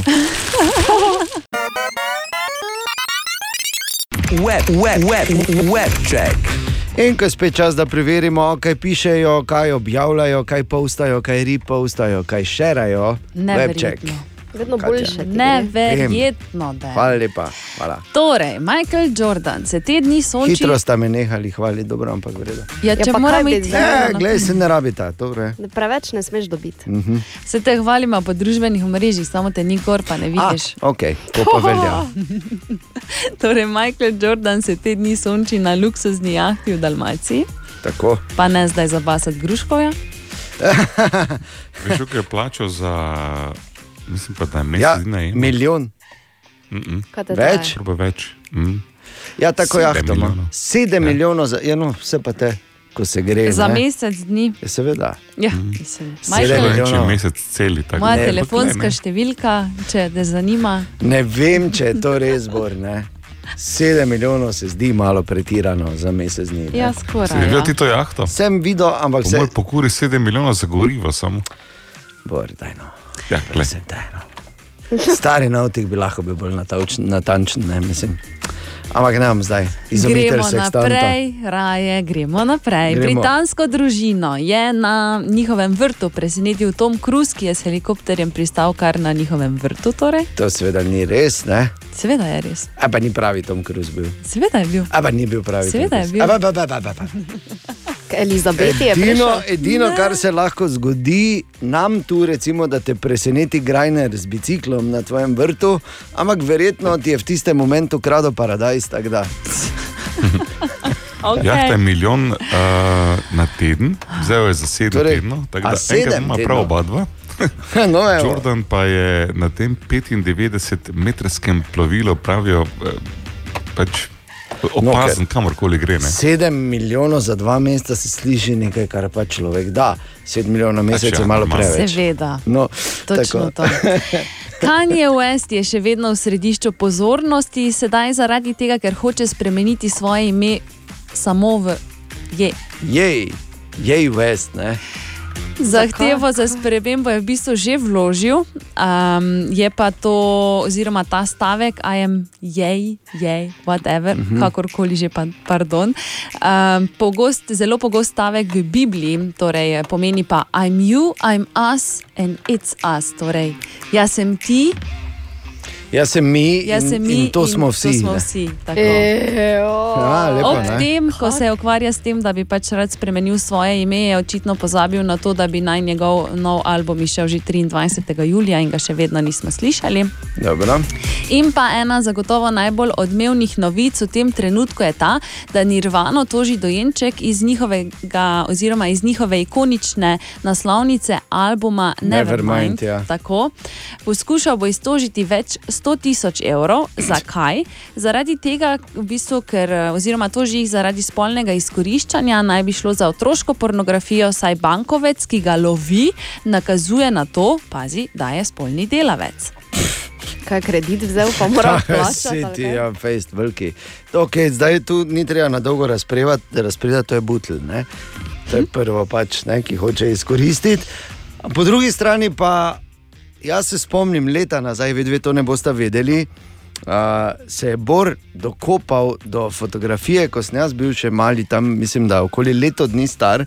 Ja. Se slika na plaži, eh, celi popikan od komarjev na morju in imam zgoraj brez, imam pa kratke hlače gor, pa tako lulija ven, ne vem zakaj. Mhm, okej. Taka slika in Bor dobil in celo objavil. Tako da Bor, to je manj kot 21 let nazaj, oziroma Pripravi denar. 31, pripravi se.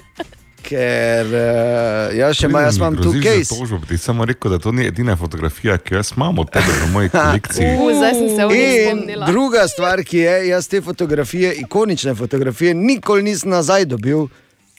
To je glavna stvar, zaradi katere te bom tožil. Tako da ne vem, ki je original. Ja. Tudi me, original ne zanima, ker je v digitalni kopiji vse lepo vidno. Če povečaš, Original recimo, ne, nazaj, ker veš, kakšen denar bo to enkrat vredno. Ti si že zdaj. Webcheck. Zdaj gremo v 90-ta, pravzaprav ta hit, ki ga bomo slišali, je iz začetka 90-ih. Je pa uh, z njim povezana, imam jaz eno zgodbo povezano z njim, čisto kratko.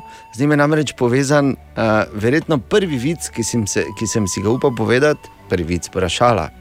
Okay. Zabavni moment. Mene najbolj zanima, z katerega leta je. Ja, uh, komat je iz leta 91, okay. ta šala je iz leta 97, mislim 97, 98, tu nekje ne. Okej. Oziroma ta zabavni moment. Ja. Tak, ja, b- mislim, moraš vedeti, drugi časi, drugi ljudje. Bor se spomniš ti, konca 90-ih se spomniš, ne? Sva se. Megleno, sicer, ampak ja. Mislim, dovolj dobro. Tako. In pazi, To, ti, to so bili prelomni časi zaradi eh, vseh, ja. Ja. In zaradi zabavnih trenutkov. ne, ampak eh, brez heca. Uh, to je, gre, gre za hit Walking in Memphis, Marka Kona. In mm. spomnim, da sem enkrat, pač potem, ko je bilo to, in sem bolj povedal, da dejansko uh, je, obstaja en človek, ki mu je res zaverjeti, da je po smrti videl Elvisa. Ker takrat so se še namreč fulmenili, da je Elvis živ še vedno. Mm Mhm. -hmm. Še v 90-ih je bila ta zgodba. No, da ga je enkrat skoraj videl, pa, pa se mu je zlomila lopata. Pa to. Ah, ti lepi časi, ja, butlo vedno. Dobro jutro. Dobro jutro. Jutro. Dobro jutro. Ena od mojih ljubših slovenskih spletnih strani je spletna stran Statističnega urada Republike Slovenije. Aha. Številne ja. zanimive informacije tam izveš, kaj za režiš. Če so šaljivci ratali v zadnjih letih, glede na to, kaj objavljajo. Niso šaljivci, postali so zares koristni, šli so v korak s časom, pogledali, šli so naproti državljanki in državljanov, če me razumeš. Ne, res Niso je, samo res. zdaj, res, statisti- dam ti prav. Ja, da ni ono statistični urad, pa rečeš, "Eh", pa si v usta kozlaš, pol pa greš dalje. Ne? Ampak da imajo neke zabavne stvari, čeprav moram reči, po tem, kar sem uh, prebral zdaj na zadnje, sem malo razočaran, kaj ti ni jim uspelo, oziroma ni jim uspelo pridobiti dovolj informacij, da bi lahko potrdili ali razbili urbani mit, ki velja za Slovenijo, da se boje v nedeljo za kosilo je goveja juha, pečenka, restani krompir in solata. In ali se je točno v 12. Ne? Kaj ti uh, niso dobili informacije o tem, kdaj prebivalci Slovenije jedo kosilo in kako nestrpno čakajo na to kosilo. Vejo pa, da smo denimo v Sloveniji v letu 2020 porabili doma poprečno 14 kg govejega mesa, 48 kg krompirja in 11 kg zelene solate. Ni pa znano, koliko tega delež tega je bil odvojen za nedeljsko kosilo. Niti ne, ali veš, to delamo skupaj, ali posebej, ali več družin skupaj, ali celo sorodstvo skupaj. Skratka, Kako sploh imamo kosilo v nedeljo? pravim, da sem se Zato šel spraševati, res Ja. je, da nam je v nedeljo, da, da nedelje pravzaprav, pa se to ne moreš verjeti. Kdo je to, samo malo, kdo je to predstavo? Pa res. V, In v, kdo v nam je seriji vkradel? Kraj svoboščin so še na nedeljsko kosilo vzeli. kako kaj? slabo delajo na statističnem uradu. Dva hita iz istega filma, opala. Ja, se lahko zgodi, ko je četrtek, pa je zjutraj na Radio City. Upam samo, da ni kdo od vas tudi tako raztrgal majice kot Bor zdaj, ko se čisto se vprašal za njegovo življenje. No. Poznamo tisto, oj, tri glav, moj dom. Kako si krasen. Sem vedel, da lahko na Bore računam. In dejansko si to lahko pojemo eh, od leta 1778, prav na današnji dan, kajti takrat so se Luka Korošec, Mateo, Ko, Mateoš Kos, Štefan Rožič in Boro Mrzli sli- stric Lorenz Vilomicer se takrat na pobudo žige Cojsa kot prvi pospnejo na Triglav. In so prišli gor in so rekli, ok, osvojili smo najvišji slovenski hrib, hvala žiga, ti zdaj častiš, pripravi polne bisage Časti. denarja, zlatnikov, guldinarjev in ostalega, kar potrebujemo. Ne? E, Odkud pa misliš, da bo tako bogatija danes, ne? ker je Vilomicer Ja, takrat tako. zrihtal, ko, se, ko je tvegal življenje, ko je šel gor. In od takrat dalje so si potem eh, dol, ko so šli, so si mrmrali tako čizmo. Ne vem, polem rekel, kako si krasen. In od takrat imamo to pesem, 15 minut čez sedmo. Okay. Okay, mogoče to s pesmijo ne drži v celoti, to, da so pa šli na današnji dan leta 1778 prvič gor, to pa ja. Narečja so zakon. Ha, kva, koga, kaj? Ma ne razumem. Samo da razjasnim, kako resna je stvar, celo iz dopusta nas z nareči straši fras, da ne bi slučajno pozabili na ta Gnjavator. Zdaj, si- zdaj si upaš, ko ga ni, ne? Ja, ko boš pa bi do- bil tu, pa. Se čakaj, zdaj ko bo prišel. Ko boš dobil A4 napad, ko boš dobil rafal tvojih slovničnih napak, ko pride nazaj. On, da mi se dober dan reče rodilnik, mislim, kaj če s takim človekom. ja, je pa res, kot je že nedolgo nazaj zelo modro izpostavil Tine, kdor eh, slovnično popravlja, umre zelo osamljene smrti. Ampak to ne spremeni dejstva, da imamo narečja izjemno radi, da smo na njih ponosni, mi pa sploh, oziroma, pardon, fras pa sploh. Dobro jutro, Marko. Dobro jutro. Dobro jutro. Na zadnje smo iskali narečne verzije te povedi. V tej vročini otrok joče noč in dan. Dober dan, Albina Pales Ptuja. Pri nas, oziroma tam, kjer sem prej živela, bi pa rekli, pačok vleji, den pa noč, taka hica je. Zdravo, sem Andreja Zaplotnica in mi rečemo tako, tudi vročeni oče ključe, lamč pa den. Zdravo, jaz sem Bojan Zradec in mi rečemo, te vročin se otrok dere skus. Zdravo, sem Brigita, prihajam iz Ciringe, pri nas pa rečemo, škoti hiti sem imali dere, ko isi har nauč pa den. Zdravo, sem Iva, prihajam iz Maribora. V našem koncu bi temu rekli tako: v toti hici se frod zdere non-stop. Ime mi je Matjaš, sem iz Svilovec, prek Murja. V toj vročini dejte džovče noč in dan. Zdravo, sem Renata iz Silnica v Muri, mi bi pa rekli, stotem tušti se frot bere dorhmarš. Sem Vesna Kalj, sem iz Iljerske bistrice. V ti vročini otrok joče noč in dan. V tem tednu pa iščemo narečne verzije te povedi. V vinogradu se glasno oglaša klopotec. Kaj pravite vi trije? Nevesta, nevolaž in notaroš.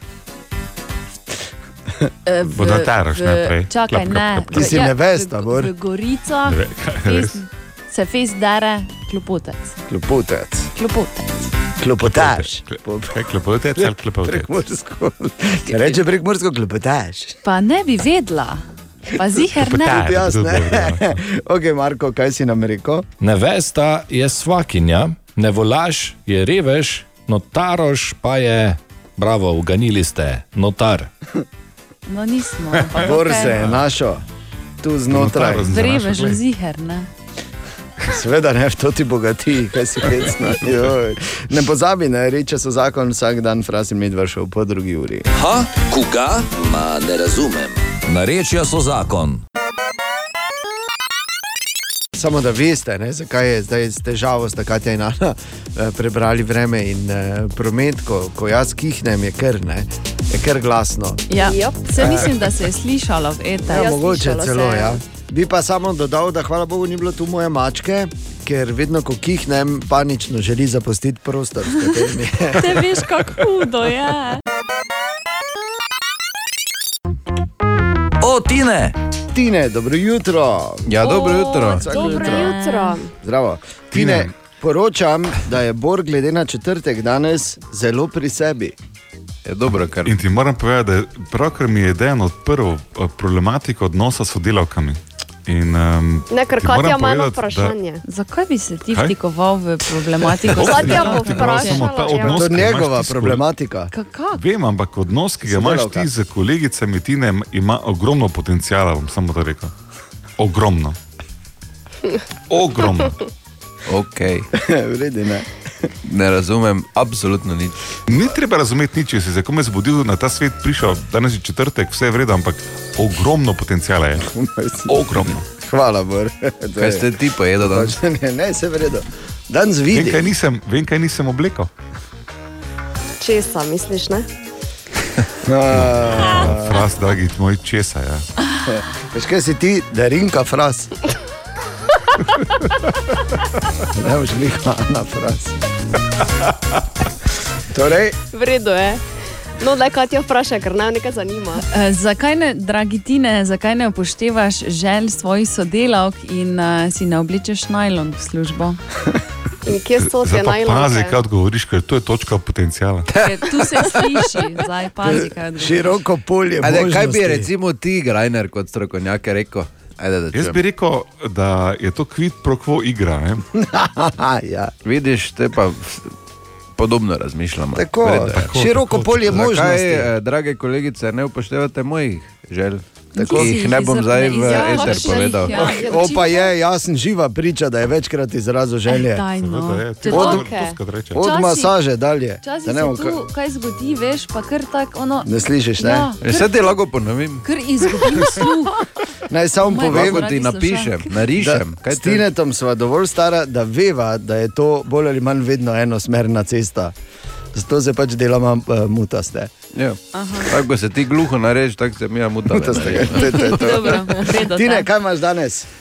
Če eh, veš, ko, re, ko rečeš, le kako vidi, kot orl, ne, recimo, orli ali pa sokol, no pač dobro vidijo. Ne. Če Mhm. bi eh, za predstavo lažje, kako orl dobro vidi, če bi imeli eh, tako dober vid, bi iz desetega štoka mravljo videli. Jezus. To pa je res. To pa je orl, Tine, okej, bo. o pa polka fiks. Ne vem, če ne bi bi štumpe videla. zdaj obleko hitro. Mravljo bi videl, jezus.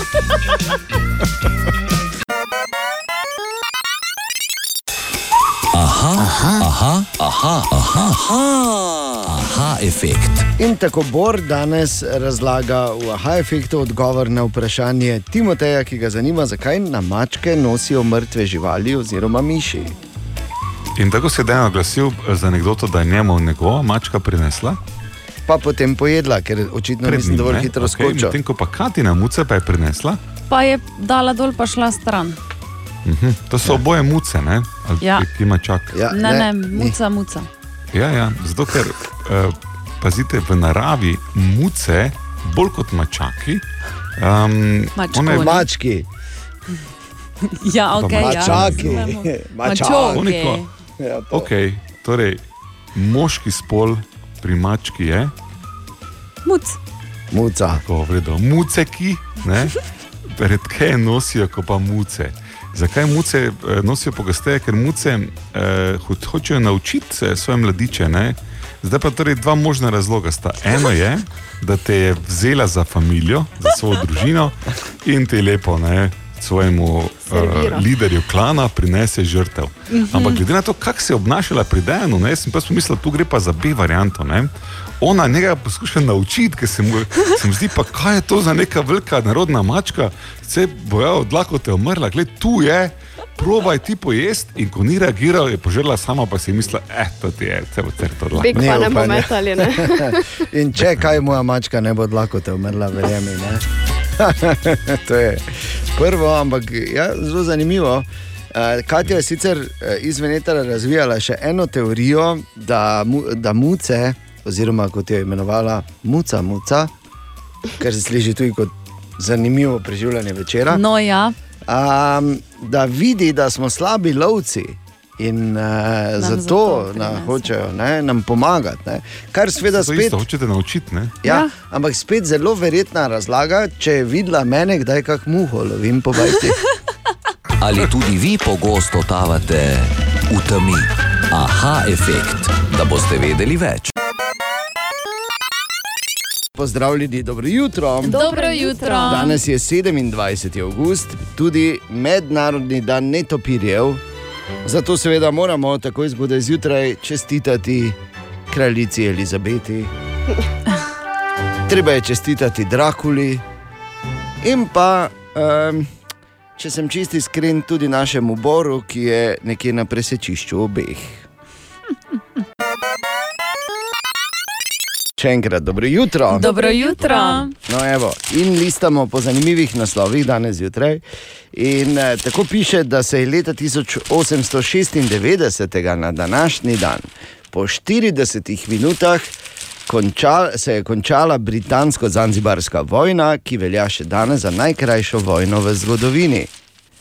40 minut so bili jezni drug na drugega, ne, so šli. Približno tako se sliši kot petek zvečer v Mariboru, nekih univenih drugih časih. Ne? Ampak, eh, ko sem to prebral, moram reči, da se v meni uh, prižgala iskrica gneva, celo prezira do te informacije o ja. najkrajši vojni. Kaj ti vsak relativno normalen, starejši od 35, je že kdaj doživel vojno, ki se je končala v samo nekaj stavkih, je pa res, da je imela potem še dolg odmev v tišini. Web, web, web check. Oziroma malo pred pol šesto, kot sem prej rekel. Opala, kako smo pa da, zgodni, pa smo zgodni. Če smo kaj zgodni. Lahko govoriš, da je naprej, ne nazaj. ja, to je narobe. Da se ne bi zgodilo, da bi kdo bil uh, pozen in ko se reče, zdaj, da bi kdo kam zamudil, se je zdrznil tudi Bor, ki nikoli še nikamor ni čisto malo. zamudil. Ne, niko, nikoli. Še nikoli nič ni. ne. Okay, Okay, ja, le, prej, slej se bo tudi meni zgodilo. Samo ne držimo Ja, to je samo sape stvar, do takrat. ja, no. Res je.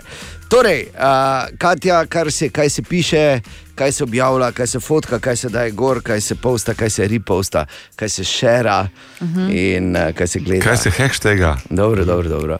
Lahko jaz povem eno stvar na začetku, prosim. Seveda lahko. In poveš. sicer poglobilo se je moje spoštovanje do Toma Cruza, uh -huh. pa ne zaradi njegovih verskih prepričanj, to mi je vseeno, ja. Ja. to ima vsak pravico, da dela kar hoče. Ampak ker je, ker je det res neverjeten in je mašina.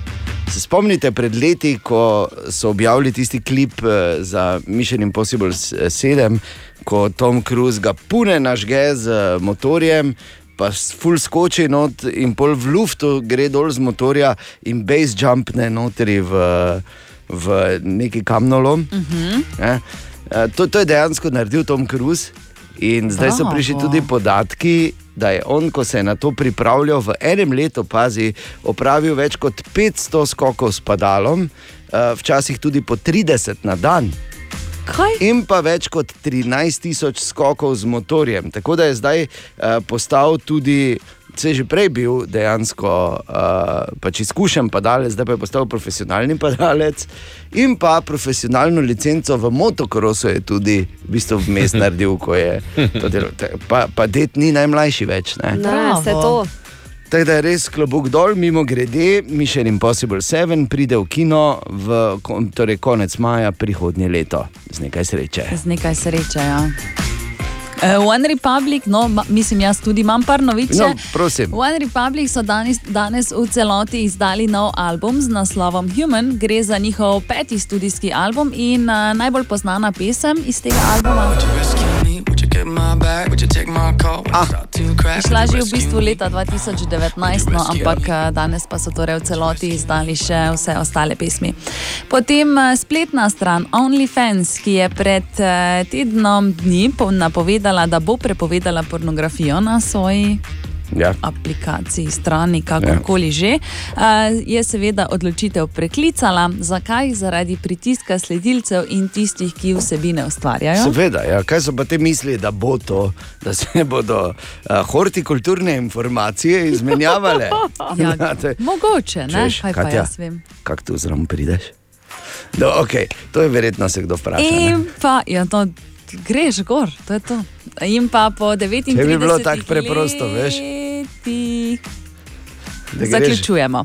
Po 39 letih se vrača Abba, 2. septembra naj bi izdali eh, novo pesem, oziroma lahko. Možno bo slišati nove pesmi, in ob tem bi samo spomnila na enega najboljših videov na naših družbenih omrežjih, daj, tako nehaj. Facebooku kot uh, Instagramu, Radio. City, uh, kjer uh, gospod, cenjeni sodelavec Dejan Vedlin, pleše skupino v Abinem muzeju.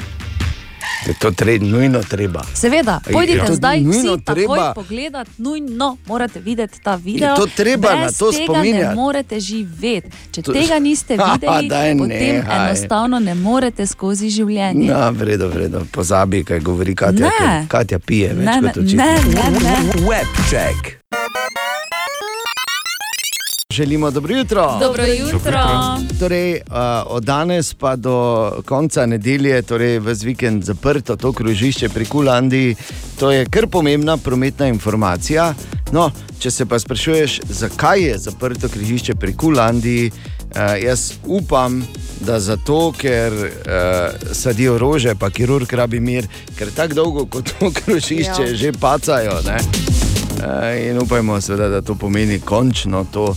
In, uh, se ne zdaj, da je tam taki naval, ampak je kar, kar pomembna prometna točka oziroma vozlišče, tisti krožni promet tam. Tako da, srečno, ko greš Bolj okoli. pomembno je, da bi ga imeli, ne? samo da če nič drugega presne. Če lahko, ne. lahko, Tudi če ne bo rož, se vseeno. Ne? Če bo kirurg ležal tam zdaj cel vikend, samo da bo v ponedeljek odprto. Ena od treh, treh. Jutranji sprehod po zgodovini popularne glasbe. In že 56. rojstni dan bo praznovala Eileen Regina Edwards, oziroma mi jo poznamo pod imenom Shania Twain. Shania Twain, country pevka, ki prihaja iz Kanade, ampak eh, je seveda ena najpopularnejših žensk eh, v tem glasbenem slogu, no, ki že, seveda je že zdavnaj špricnil prek tudi v pop vode. Tako da uh, Shania Twain, ki je na sceni od začetka 80-ih, je pa, uh, tako bomo rekli, mednarodno prodrla tam nekje v 90-ih in še vedno vztraja. Uh, zelo zgodaj je že začela uh, s pisanjem pesmi, že pred desetih je napisala svoje prve. In imela vedno en fokus, kaj ti, če ji ne bi uspelo v glasbi, je rekla, da bi bila veterinarka ali arhitektka. Aha. Zelo sorodni Ja. panogi, ne? Ja. predvsej sorodni. Res. Ali pa astronautka, ne? to je tudi Tako. imela verjetno še te. Ga- Gasilka, mogoče. Ne, tako. Nikoli ne veš.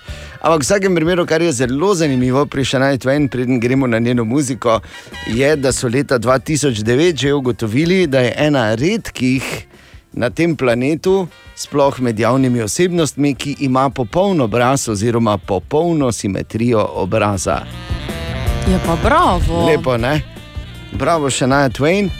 Um, Mislim, se si ni. To je nekaj, kar uh, se veš, ne, imamo samo pravi ne, izbranci. Kje je tvoje potrdilo? Jaz bom samo Daj tak, meter sem, Katja. Jaz malo, bom- malo, ali ni ta obraz, ki ga nosi okoli njegovo potrdilo? Ja, res je. Mislim, kaj še jaz rabim drugega? Halo? Ne, pa res, da ko pogledaš moj obraz, je simetrija zadnji od mojih problemov. Ne? Je ni, Torej- ne, tvoj obraz je tako neki miška. Ne? Ok, Tako da- Bor, glej, v tem trenutku hopa, glej, naenkrat ga ni, kam pa je šel. A ja, verjetno v deželo slabovicijo. Torej, Shania Twain od uh, začetka 80-ih na glasbeni sceni številne, številne hite je nanizala v uh, teh štirih desetletjih, odkar, je, uh, odkar prepeva, recimo hite kot so. I knew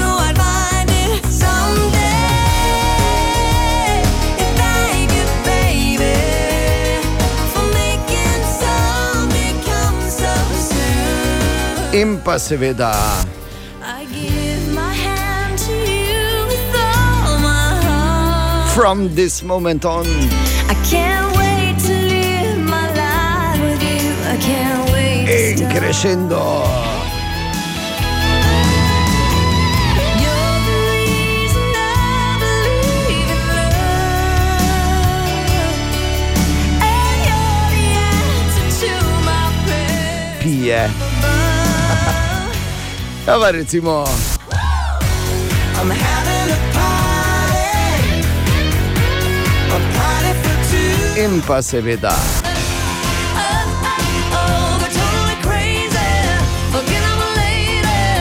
Man, Skratka, 56. rojstni dan bo praznovala še na Twain, mi bomo čestitali z njenim hitom takoj po oglasih. Želimo dobro jutro. Dobro jutro. A, samo na kratko bi povedal, nekje sem zasledil par dni nazaj, da, da zdaj ne vem, ali se Jeff Bezos hvali s tem, ali se drugi hvalijo s tem. Skratka, vsi skupaj se lažejo. Ja, ja, ja, zato, ne, ja, zato ker uh, pač, kao naj bi bil Jeff Bezos prvi, ki ima doma mašino za, za točen sladoled. Eh. So, ja, to so tako naredili, tako veliki naslov in naj bi to bilo, kar je seveda velika laž, ker jaz sem prepričan, da je pač lastnik lastovke imel doma avtomat za točen sladoled v Mariboru že sredi 80-ih, če ne prej. Vsaj on, ne? Ja. Vsaj on, če ne še kdo drugi. Tako da. Danes je 27. august, kot smo rekli, in to je en poseben dan, tudi na nek način za naše mesto, to je poseben dan za našo državo, zagotovo pa je to poseben dan za vesolje. Okay. Kako se sliši, vse skupaj je spektakularno, ampak tudi je, kajti danes je točno 22, 92, 22, 92 let, odkar je ta svet zapustil Herman Potočnik, Nordung, torej pionir vesoljskih znanosti, ki pa je nekaj časa. Seveda tudi živel v Mariboru in z Mariborom je eh, Herman Potočnik, tudi bi lahko rekli, usodno povezan. David, dobro jutro. Ja, v bistvu je v Mariboru obiskoval osnovno šolo, oziroma takrat se je temu reklo Realka. Nekaj let nazaj smo naprimer, tudi dobili spominsko ploščo za eno naše mesto. Najdemo jo na Poštni ulici, na steni poštne stavbe, kjer je njegova mama takrat imela stanovanje in kjer sta v tistem času tudi živela. Kako pa so se potem stvari za njo odvijale, razlaga Izidor Fijavš iz centra Nordung, ki danes stoji v Vitanju. Šolanje nadaljuje v Deškem domu na Dunaju in po vojaških šolah v Avstralski in tako pridobi izobrazbo za inženirja mostov in gradnjo železnic. Ker se šola v vojaških akademijah, je v bistvu vojak in um, tako, ko pride do Prve svetovne vojne, mora tudi se iti na fronto boriti. Prvo svetovno vojno Herman Potočnik Nordnog preživi, vendar žal zboli s tuberkulozo in zato ga tudi po Prvi svetovni vojni upokojijo. Vendar eh, odide v bistvu na Dunaj, tam se ustali in nadalje se odloči šolati na področju raketnih sistemov že od leta 1918 in postane specialist za raketno tehniko. Ja, in od tukaj naprej med zvezde, vsaj v teoriji. Ja, kaj ti napisal je knjigo, z, ki je imela zelo pomenljiv naslov, ker to takrat dejansko je bil problem. In naslov knjige Hermana Potočnika je bila problem vožnje po vesolju. Tako in kako veliko potezno je v njej razmišljal, pove podatek, da je prvi človeški polet v vesolje uspel šele Juriju Aleksejeviču Gagarinu leta 1968, on pa je knjigo dokončal leta 1928 in verjetno zdaj marsikoga zanima, kaj tam notri piše. V bistvu ideja te njegove geostacionarne vesoljske postaje. To pomeni, da on ni samo razmišljal, kako bi z raketami človeka m, bom rekel, odpeljali v vesolje, vendar je tudi razmišljal, kako bi v vesolju približal eh, bom rekel, pogoje najbolj podobne kot na Zemlji. O čem vemo, da je pač v vesolju breztežnost ne? in zato si je zamislil geostacionarno vesoljsko postajo, ki bi bila, eh, ki je tudi razložena in narisana v njegovi knjigi. Načeloma bi pa morala imeti tri dele, to pomeni strojnico, opazovalnico in bivalni del, kot mu je on rekel, bivalno kolo. To bivalno kolo bi moralo imeti 30 metrov premjera in se vrteti en obrat v približno 8 sekundah. Je pa za konec Fijavš omenil še, da imajo trenutno v Vitanju na ogled razstavo, kjer se med drugim da videti tudi originalni eksponat kamna iz Lune, tako da če kdo ne ve, kaj bi delal čez vikend, mogoče super ideja za izlet. Absolutno, to je treba iti v naš vesoljski center v Vitanje, pogledati. Definitivno je eden od tistih izletov, ki so res izjemno zanimivi. Če ne veš, kako prideš v Vitanje, greš skozi konice, ravno pa pol zaviješ proti mislinji, pa prideš.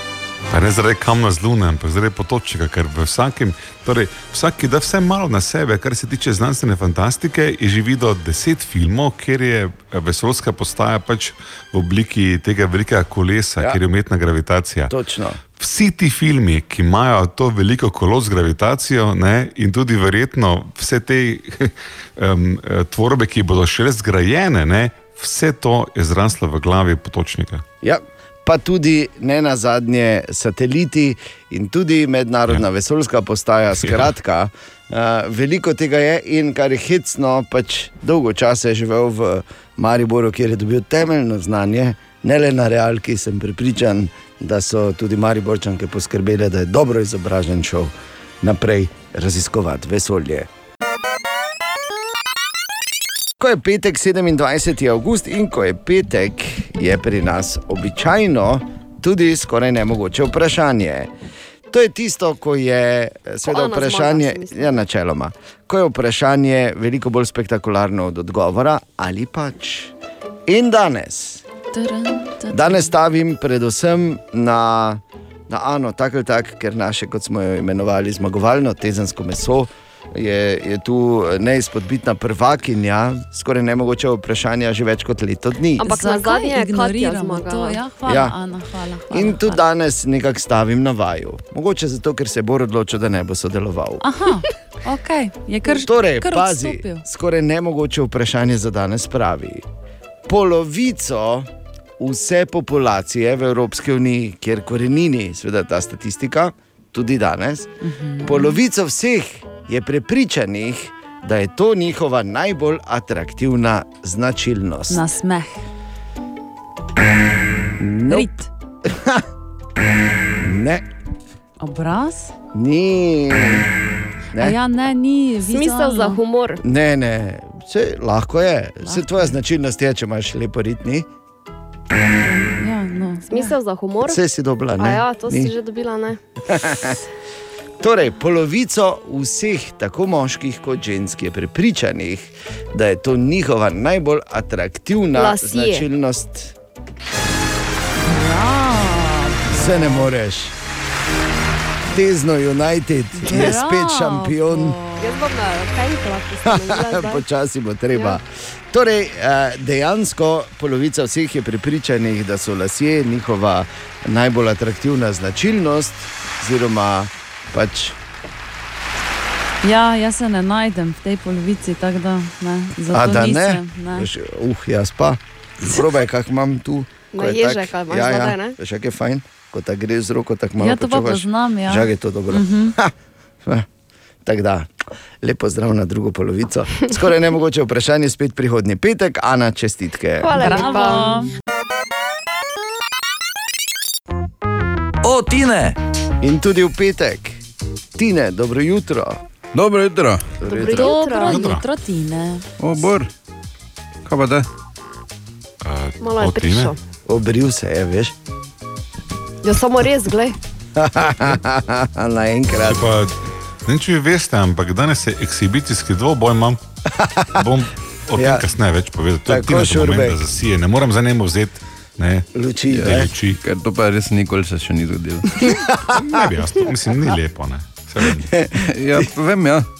Samo, če me za jezik vlačite, že igral bom ekshibicijski um, meč v ping-pongu. Ja, Noben te ni povleko. No, originalni. ker pa pa vidim, da imate ta, te oči, ki sprašujejo. Ne. Točno to. Dobro. Zakaj si se mogel obriti za to? Ja, zato, ker je žogica ekshibicijski dvoboj v pripravi na olimpijado. Ne? Tako, je, je svetovno prvenstvo, je, ne? Ampak dobro. No, mislim, mi rečemo Bližnjo, olimpijada, pač, ker je. Ja, seveda vi rečete. Moš nekaj znanja s ping-ponga imeti, lahko rečeš tako. Tako so vam rekli, ja, na olimpijado. Ja, na olimpijado greš, Šurbek, na olimpijado. Torej, a, Tine, si slišal, da polovica ljudi v Evropski uniji je prepričanih, da so lasje njihova najbolj a, torej, atraktivna značilnost. Tu bi se najdel jaz. Je, ne? Samo niso več tako, edino kaj je, niso več tako vrani, črni. Ne? Ja, pa jaz so šarmantni zdaj. Ja, Atraktivna tako. gostota je ostala. Či, torej, Tine je bil včasih črn kot krt, zdaj pa je pač črn kot malo starejši krt. Ja. Ti si pa včasih bil krt, zdaj si pa. Zdaj pa nisem več. Zdaj pa nisi. Torej, kaj imamo danes, Tine? Eno besedo se naučimo spet, čeprav ti tako verjetno veš. Ne, ne vem. Ampak nekdo ziger ve od vas tu, ker je pač taka beseda. Jaz se ne vem. No. Ja. Agelast. Kdo je agelast? Tako z neke križanke. lahko bilo tudi, je ja. zelo dober, ne? Ja. Nisem, danes, je- danes je težko. Jaz mislim, da je to fras, ne? ne, povej. Agelast je oseba, ki se nikoli ne smeji. Resno. Jezus, Jezus. Zopet je prizadeta cela Če gledalka. pa ne res, moreš to res. tak. To si ti, Kdo Katja. se te ne Ko smeji? Prosim, če Agelast skozi Gregoric. Jaz se pač Čakova. Jaz se pač ful smejem. Jaz se ful smejem. je? Ker je to tako, jaz sem nasplošno pozitivna oseba. Vedno bolj. Pravo sonce. Lahko pa koga strelim. če Pravi sonček. Lahko pa dobiš eno ne, To pa nopla. tudi, komod, ni Tako. problema. Mopla. Nopla. Mopla, razumem. Mopla imamo, vemo, kdo ne. No, vse za to. Še zadnje vprašanje za aha efekt v tem tednu, Katja. Vprašanje je jasne, ki jo zanima, če je res, da si z bananami delimo 60% DNK-ja. Ja, daj, Pa nekateri tudi pokončnost, ne pa. očitna, očitna šala je, uh, 85. Ne. Ampak. Mislim, s kom jaz delam? glej. Ne, glej, rekel sem, očitna šala je to. Ne, pač. Ampak uh, in nasmejala je Bora, tako da več kot Ja, očitno je očitna. ne. publika, ja. Ja, tako da to je bila naslovljena v šala v kraj Slabovicija. Uh, in pa odgovor na vprašanje, ki je zelo zanimivo, jasno, pride v aha efektu takoj potem. Aha, aha, aha, aha, aha, aha, aha efekt. Torej, Bor odgovarja danes na vprašanje poslušalke Jasne, ki jo zanima, ali je res, da si z bananami delimo 60 odstotkov genskega zapisa. Okay, najprej da razčistimo to, mi vsi smo iz iste snovi, ne? Bolj ali manj. Vsi. Se strinjamo, ker smo z ene pike prišli, da je rekel zadnjič in še kako prav ima. Tako da genska podobnost med eh, posameznimi ljudmi, ne glede na to, kako drugačni se drugemu, drug drugemu zdimo, je 99,9 odstotka genoma imaš ti podobno kot katerikoli človek na planetu. Kar se tiče šimpanzov, ki so nam evolucijsko najbližje po um, genetiki, 96 odstotkov genoma za šimpanzi si mi delimo. Okay, in gremo malo dalje. Ne? Mačke in ljudje, 90 odstotkov, to je tudi precej presenetljivo. ne? Ja, ali pa ne, Miš ne. in človek 85, Aha. krava in človek 80. Ne bi rekel Celo- v vseh primerih. Malo več. Ja, včasih tudi več. Ne, ja, okay. Vinska mušica 61, kura 60. Tako da moče banana z temi 60 malo presenetljivo visoko, ne, ampak ne na zadnje banana. Tako je. Tako, tako. Ja. Rekel bi samo to, kar si me presenetilo, zdaj, da je tudi kura 60 in vemo, da je kura še edini živi potomec T-Rexa. Ja. Tako da ja, jaz sem 60% T-Rex, Ja. to je vse. Malo Ali dinozaur, tudi malo vi banana. pogosto totavate v temi. Aha efekt, da boste vedeli več. Zdaj pa še zadnjič danes v dvorano tabor. Ja, Končanje vidiš, Dejan, dvoboj. to- Ja, to, to, kar zdaj slišiš, ne? Ja. To je zvok, ko ping-pong žogica obmokne in je rezultat jasen in je tekma končana. Ampak preden gremo v to, bi jaz izkoristil priložnost, ker Vinko Kurent ne samo, da je predsednik duša trepetlika, on je eh, poslovno z dolgim stažem, človek, ki je v dolgih letih nabral nekaj modrosti in bi za moja dva eh, trepetla, torej Tomaža in pa Markota, ki sta danes. Vinko žal ne zmogla poguma, da bi prilezla iz požje hišice, imamo zanimivo kakšno sporočilo, da bi vseeno v življenju odskočila malo. Ja, če kar izkoristim, kjerkoli sta sedaj, tam poiščita partnerje, pogledajte, kako igrajo. Mogoče da so na enakem nivoju, pa malo slabšem nivoju kot vidva, in čim večkrat z, njima, eh, torej z njimi igrajta. Mogoče tudi med sabo. Bor vaju čaka pripravljen. Ja, torej, eh, eh, če, če skrajšam zgodbo, najdi slabšega, pa ga parkrat premaga. Ne? To bo v njihovem Za primeru samozavest. Za samo za isto moče v njihovem primeru malo teže, ampak uh, uh, ni, ni pa ne mogoče. Ne? Boš povedal, Eh, kak je bil rezultat, prosim. Pa se ni važno, ne zdaj ja, za pa je, je. rezultati. Če... Okay, um, torej, uh, um, eh, eh, 11 No. no. Glej, To, kar je zanimivo pri rezultatu 11-2, ne, je to, da je na las podoben rezultatu iz prejšnje tekme. Ne, ko sem jaz že špekuliral, eh, ali je Vinko moče toliko dober, da se on odloči, koliko točk mu bo dal. In tako je rekel, ne, pa se to, to si se pa trudil, pa lepo si naredil, ne, ampak danes pa isti rezultat. Ja, nisem zmogel več, nisem zmogel boljše. Te dve točke, ki si jih dal, sta tvoje točke. In jih lahko nesem domov, ne? No, in to ni bila moja napaka, ampak tvoj uh, akti, angažma in aktivni udarec. Uh, kaj je pregovor, ko je človek na tleh, nekaj drugi, kak že? Ja, ko je človek to, na tleh, vsi Ja. po njem hodijo, to je tvoj. Torej, Vinko? zaželi, prosim, vse dobro naši reprezentanci. Ja, torej, Vinko, v imenu ne samo in osebnem, celotne redske ekipe, to vašo pozitivno zgodbo zelo radi spremljamo, tudi nadalje bomo eh, pred eh, svetovnim prvenstvom v Berlinu, pa vam samo lahko zaželimo veliko sreče in veliko slabših nasprotnikov. Hvala. Torej, ne glede na to, kakšni bojo nasprotniki, bom dal vse od sebe. To pa vemo, kaj to pomeni, da je ne. ja, sploh za tebe. Ja, tako da res eh, vse dobro in veliko uspehov naši reprezentanci Parkinsonovih bolnikov, ki se odpravlja na svetovno prvenstvo v Berlinu. In seveda klubuk dol Boru, ne, ker ne samo, da je dvakrat šel, pa dvakrat dobil po piksni. Rekel je, še naprej bom hodil, malo je mazohist. Ne? Dobra, mali in stari. Podcast jutranje ekipe.